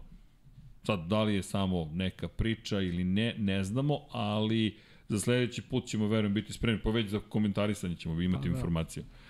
U svakom slučaju, pratimo, i- pratimo i to, ajmo da vidimo šta će se tu zapravo desiti. Dobro? Pa jo, smo nešto još propustili. Da, Nelson Piquet je dobio kaznu 950.000 dolara, to moramo da spomenemo. Brazilski sud ga je, kaznio za rasistički komentar o Lewisu Hamiltonu, skoro milion dolara će morati da plati. Da, Piquet je inače osuđen u privatnoj tužbi, e, tužili su ga za za rasističke izjave i čini se da se izvinio za, to, za, za izjavu. Tužila ga nacionalna alijansa LGBT+, i 10 miliona brazilskih reala će morati da plati na ime moralnih, na moralne odštete. Čisto da znate, to prenosimo informaciju, nisam vidio njegovu izjavu, Dakle, šta je, šta je odgovorio na pa, sve to? Pa, verovatno i neće da izjavi ništa. Pa, da verovatno. To, zato što Inače mu je, da, zabranjen ulazak u, F, u Formulu 1 i tako dalje i tako dalje. Baš su ekstremne mere kada je reč o Pikeu i apsolutno niko ne podržava niti rasizam niti izjave. Ma, naravno. Ali kada pričamo o celoj situaciji malo dublje od svega toga, Jest. imate čak i političku pozadinu, pošto, eto, sticamo konci, često sam u Južnoj Americi, pa ne samo što se to desilo, već i način u moment, moment u kojem je to iskorišćeno, tako dalje, tako dalje, duboka priča, ono što je poenta, pošto obično ispadne da zapravo ako krenete u tu temu da ste vi rasista, ako nas iko poznaje... Pa ne, zato je bolje ćutati. Da, znate naš stav o rasizmu, nije zato, dobrodošao. Zato je bolje ćutati jer ovaj, vreme u kakvom živimo ovaj, pametnije je na tu temu ćutati jer ovaj, uvek ima ti koji vole da izvuku iz konteksta i da naprave i da napravi priču koja ne priču postoji. tamo gde je nema, bukvalno. I to je... I obično se pravi priča oko tih nekih benignih stvari, a, a tamo gde treba da postoji priča, ovaj, to negde ignorišemo, negde ovaj, guramo po tepih, ali dobro, to je neko, Trenutak neko u vreme, živimo. vreme u kome živimo, koje meni se uopšte ne dopada, ali opet to možda ima veze sa ovaj, sa ličnom kartom i nekim starim navikama, ali ajde, bože moj, to je, Bumeru. To je to, da. ne, ne zovu bumer, tako da sve okej. Okay. Ali, ali činjenica je da, da... Mora priznam da mi je drago da što ne odrastam u ovom periodu, znaš. Što, Ej, nisu loši, pa vidi, dobro su ispori. Pa ne, e, okej, tako, okay, ali pa, ja, pa, na, kažem, kažem najiskrenije, kažem najiskrenije. Ne, ne, svaka Ja ja, vama čast, mislim da je nama bilo lakše. Ja, pa ne, Ja mislim da je to jest, poruka. Jest, a upravo to. Za neke stvari, Upravo ne za sve, to. ne za sve, za neke stvari samo nam je možda bilo lakše. Ali to je, pa evo, možda smo samo mi, to je naša percepcija. To je ono Moguće. happy place i vidiš nešto, ka, moj šok kad sam se vratio u osnovnu školu, da je vidi, da je posetim posle 20 godina. Kolicko je školsko dvorište, kuku. Pa ne, ja, vo- ja moram ti kažem, sad ti ja volimo da malo vrtimo neke teme, ali ja, ja, sam, ja sam šokiran kad ovaj vidim neke reakcije ljudi za neke stvari, za neke benigne stvari, kako mogu da naprave ovaj, naš, pod nekim uticajem ovaj, i medija i svega što se dešava, kako mogu da naprave priču od, od nečega što, što ne postoji, znaš, to, to je ne znam, onda se znaš zapitaš se šta je šta, znaš, šta je šta je ovaj šta se šta se pokvarilo, znaš, šta je ovaj Ja, možda ti to šta je zapravo... sa ljudima, znaš, to je neverovatno mi je zaista. Možda ne postoji dovoljno realnih problema. ne znam. Ne znam. Misliš da ne postoji? Ne, mislim da postoji, nego samo da ih ne vidim. Ne, ali postoji uvek, ali šta hoću ti kažem, neke stvari su nama, tako, kažem ti, moja osnovna škola, ja je pamtim kao nemoguću misiju za mene da pretrčim ne znam koji cross, 3 km, hoću trčim tamo napred, nazad, ovako po glisti i došao sam pre, ne znam, 7-8 godina čisto da vidim Lazar Savatić u Zemunu. Malo dvorište. Ne postoji, a znaš, to je meni bilo srećno Da. mesto, znaš, ne znam, ali se slažem s tobom, mnogo toga se pravi, ali ako otvorimo tek tu temu, Au. au, ne 1001 noć, 2876 noći. Bukvalno. Neko me danas pitao zašto je cena za, za poster 1976 dinara. Da. Kako ste došli do te cene? E, Pišite moje, moje roditelje. Pa je i nada su adrese. pa je i nada. E, mama se javila u četu, pozdrav za mamu. Mama i tata Erceg. Ma, to... Rano je njima još za spavanja, ovo tek sad se pokreće neka serija, sad verovatno gleda, ne, najbolje mi bilo kad su na Netflixu provalili da imaju uh, na hrvatskom prevod za, kako se zove, sa Spaderom uh, serija, James Spader što glumi Blacklist. Blacklist i onda Ćale kad je proradao u 4K. I jao, mogu u 4K da gledam Blacklist i još ima prevod. O, za mamu, pošto ona ne zna tako dobro engleski. Ja, mama razbija španski zato. Uh -huh. Od kad je Burazer otišao u Čile, naučila je španski. To mi je najjače. Ona u Čilu parla španski, ja pošto pričam sa klincima njim samo na srpskom ništa ne znam. I ja sam ok, mama prevodi. Ali, otići ćemo predaleko sada. Mama, Patreon. evo like, Ajde. ljubav. Mama, volim te. Pa, Pozovite mamu, recite da je da je volite i tako nekim dobrim ljudima i hvala još jednom za onu divnu poruku od malo pre, da, da je eto neko poslušao ove starce iz uh, Muppet Showa i uradio nešto dobro za sebe, ali nije šala, dobro, to su to stvari koje su, eto, nešto se pozitivno desilo, samo da vidim da nisam propustio neki super usput. Uh, momci samo jako, Kro Robi 0-0, Uh, da, ne, uh, to ne znam od kog je datuma, da li sad ponavljam nešto staro ili ne, ali nije, Kro Robi 0-0, 5 evra, momci samo jako, to, to, samo jako, idemo, viš, Samo jako. Sad u biblioteku sa ovih 5 evrića. Šalno na stranu, hvala puno za podršku, zaista nam sve znači. Tako da znate, i dobili smo u 288. izdanju 500 dinara za biblioteku da se nađe veliki pozdrav, Nikola Bata je to poslao i dobili smo još jedan, da, jednu donaciju za Aleksa Rinsa. Dobro, to je staro. Ali moram sam da pročitam, pošto sam propustio prošlog puta, pa da se izvinim. Ne odugovlačim. Ok, vreme je da se pozdravljamo, pa evo, U, jedva čekam Australiju. Jeste vidjeli kako se vozi Australija? Ajmo da oborite, ne znam koje sam vreme postigao, ali to vam je novi challenge. I da vam najem jednu stvar, razmišljajte, ne znam koliko volite, ne možemo da, da, da farbamo, airbrushujemo Formulu 1, ali pogotovo sutra ćemo da pitamo, spremamo se da ove godine pokrenemo projekat farbanja, sređivanja i airbrušovanja. Neki su gospoda ovde videla i dama kako izgleda kada Slavko iz Novoga Sada dovati motocikl i uradi airbrush i farbanje. Tako da ćemo našu RS 125 Apriliju od 125 kubika iz 1997. dvotaknu farbati. Šta je pojnta? Ko želi da uradi livreju za taj motocikl i kacigu, javite se, napravit ćemo malo priču pa da vidimo da izaberemo neki najbolji dizajn, ako ne makar elemente dizajna, pa eto ljudi budite kreativni, zabavite se, pošaljite lab76 at infinitylighthouse.com fotku, crtež, nešto ili stavite na društvene mreže pa hashtag udarite Lab76, obeležite Infinity Lighthouse ili The Lab 76.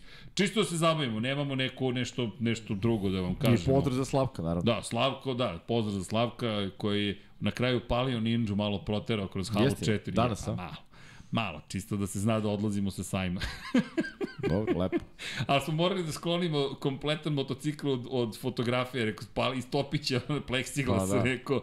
I on kaže, moramo malo da sklonimo. Zbog mirisa, rekao, misliš da bismo zadržali oblik ovih fotografija i onda polako zagrejao motor, sve sredio, bom, bom, bom, bom, bom, bom, bom, samo na kraju i Da, pustili smo sajam. Tako da, hvala Slavku na tome. Imamo i snimak, kako, znaš kako se okupili ljudi, kako je pokrenuo mašinu. Samo ovako, r, polu mesec. da, da.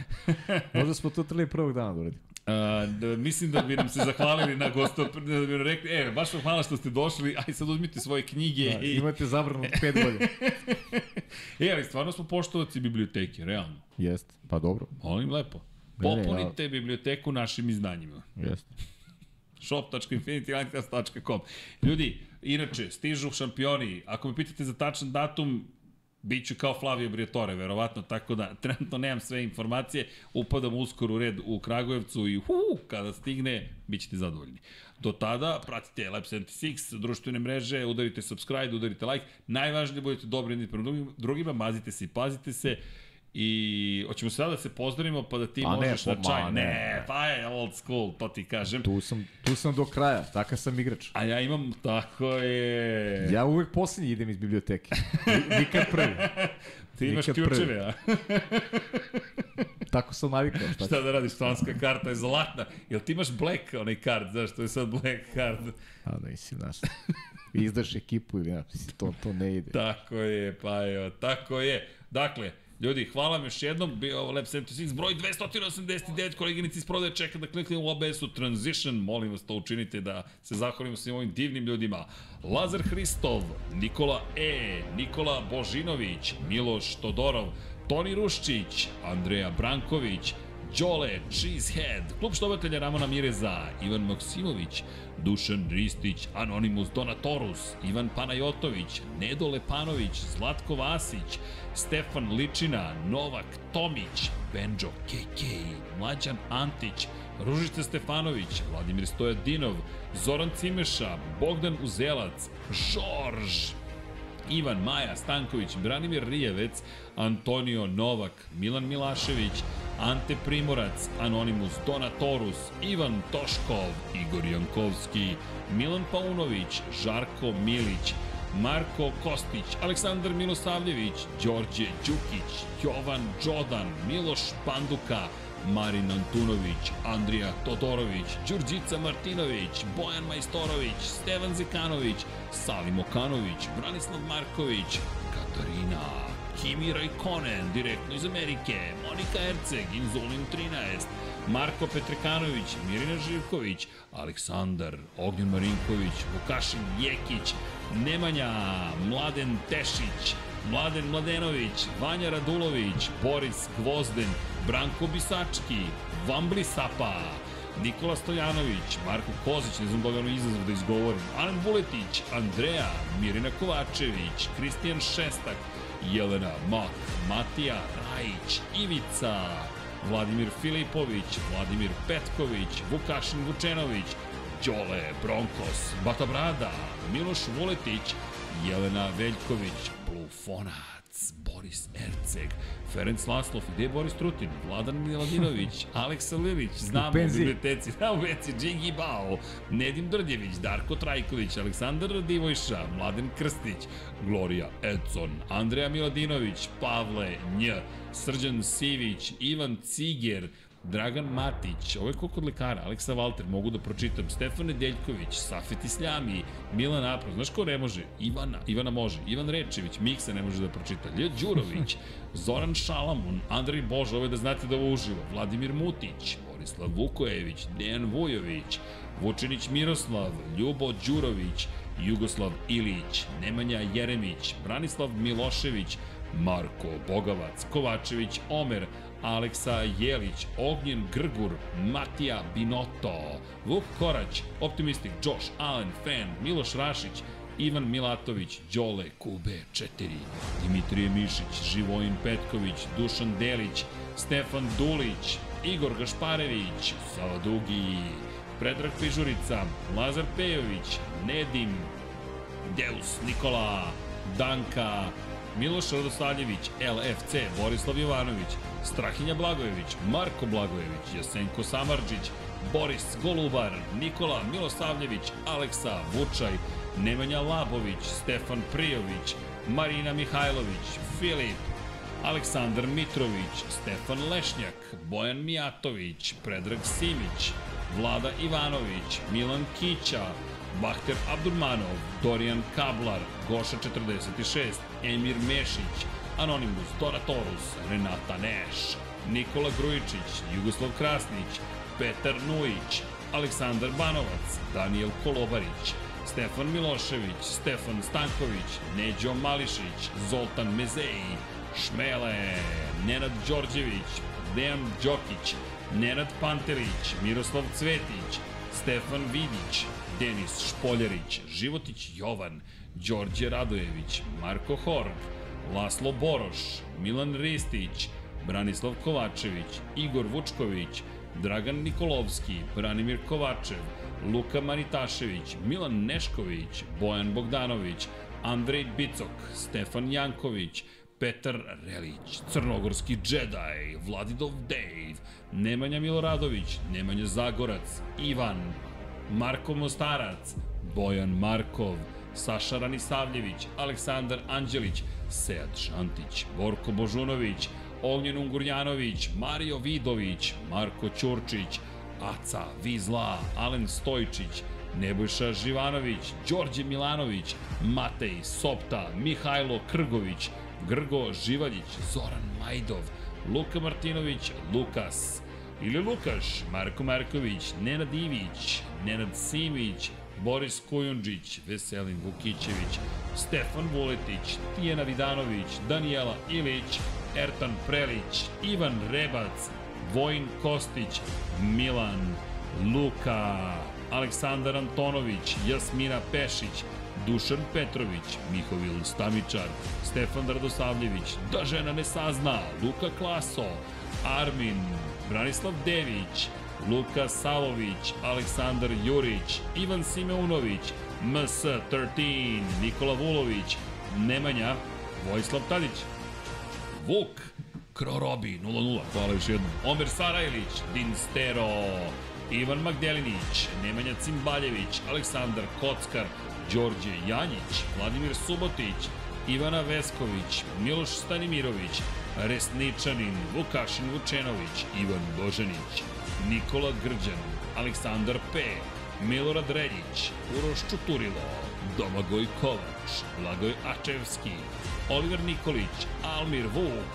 Đera 7, Alim Jesenović, Almedin Ahmetović, Drago Veković, Toleador, Nemanja Bračko. Lepo smo se proveli na sajmu. Vladan Đurić, Anonimus Doratorus, Igor Ninić, Bakadu, Koja 7, dva put, Hristo Nakov, Marko Bogavac, Branislav Dević, Milanka Marunić, Marko Stojilković, Josip Buljovčić, Ivan Hornjak, Toni Soni 76, Jelena Jeremić, Mortal Kombat, Marina, Bojan Gitarić, Bojan Stanković, Uroš Ćosić, Domagoj Klarić, Vladimir Vujičić, Galeksić, Petar Bijelić, Nikola Kojić, Pavle Mandić, Poča Pero, Nikola Niksi, Tatjana Lemajić, Zlatko Marić, Kosta Berić, Miloš Zed, LFC, Mensur Kurtagić, Nemanja Miloradović, Ivan Vincetić, Sejdo Mujčić, Marakoš, ili Marakos, Bojan Markov, Goran Mrđenović, Milan Knežević, Škundra,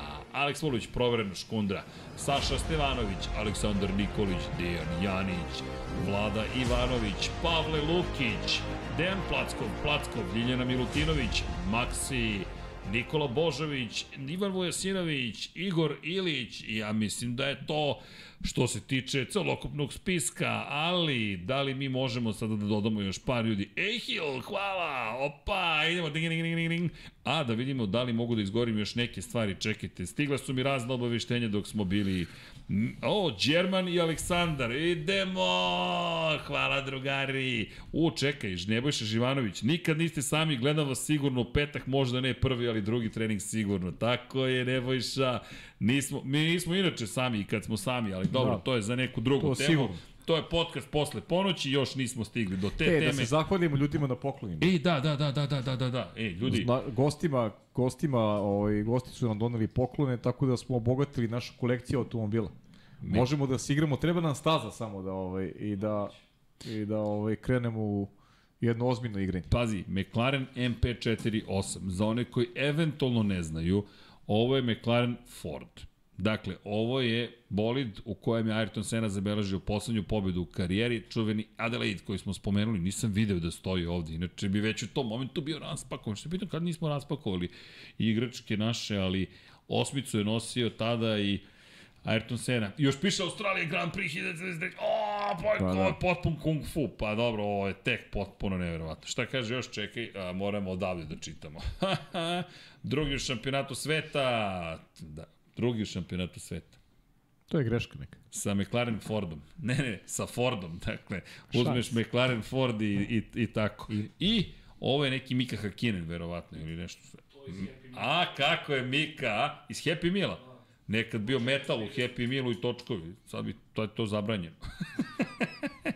ovo je fenomenal. Iz Happy Meala, pa ovo je Happy Memory. Pa jeste. Ja, hvala. Pa ne, ovo, ovo se posebno ču, čuva. Ovo, pa, e, to je nekad bio Happy Meal. Dobiješ Mikin Bolid, to je prava stvar.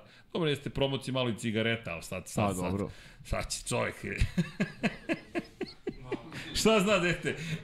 Ima i broj 1 na njemu. Niko te, da... niko te ne treba da konzumiraš. Na tebi je izbor, znaš. West, McLaren, Mercedes, Mika, Happy Meal. ovo je fenomenalno. A ja bih se uz ovo pozdravio uzmi senu lepo, znaš da je tvoj čovek, Moj. tako da ja ću biti cool Mika, a on će biti vatreni Ayrton, pazi. Sena. Bili su klubski kolegi, tako da i Mika je znao da pobedi Ayrtona, tako da mi, nije baš bio najsreći Ayrton kada bi se to dešavalo, ali se dešavalo. Uz muziku koju gospoda ne čuju, zato što monitor nemamo u studiju, ali ćemo ga da i to srediti. Uz vaše donacije stiže i monitor, ima da postoji od ozgo ovako, okružen, hvataju se za glavu ovde koleginice iz prodaje. Gde je Nesto Ferrarijevac? Otišao kući. A, dobro. A dobro, razumljivo. Vidi. Škola, se, škola, verovatno. Nije, on mora u školu čovjek, Pa, stvarno, da. bukvalno. Elem, ovo je bilo 290, 289 izdanja Lab 76. Mi smo naše rekli, vi recite vaše u subotu, nedelju, naravno sledećeg utorka do tada. Budite dobri, volite se, mazite se, pazite se i naravno, Ćao svima. čao svima. Ko kaže da sa električnim pogonom nema avanture? Neko kaže da se avantura prekida radi punjenja. Novi Nissan X-Trail sa e-Power tehnologijom. Jedinstveno elektrifikovano iskustvo koje ne zavisi od punjača. Nešto me danas uhvati.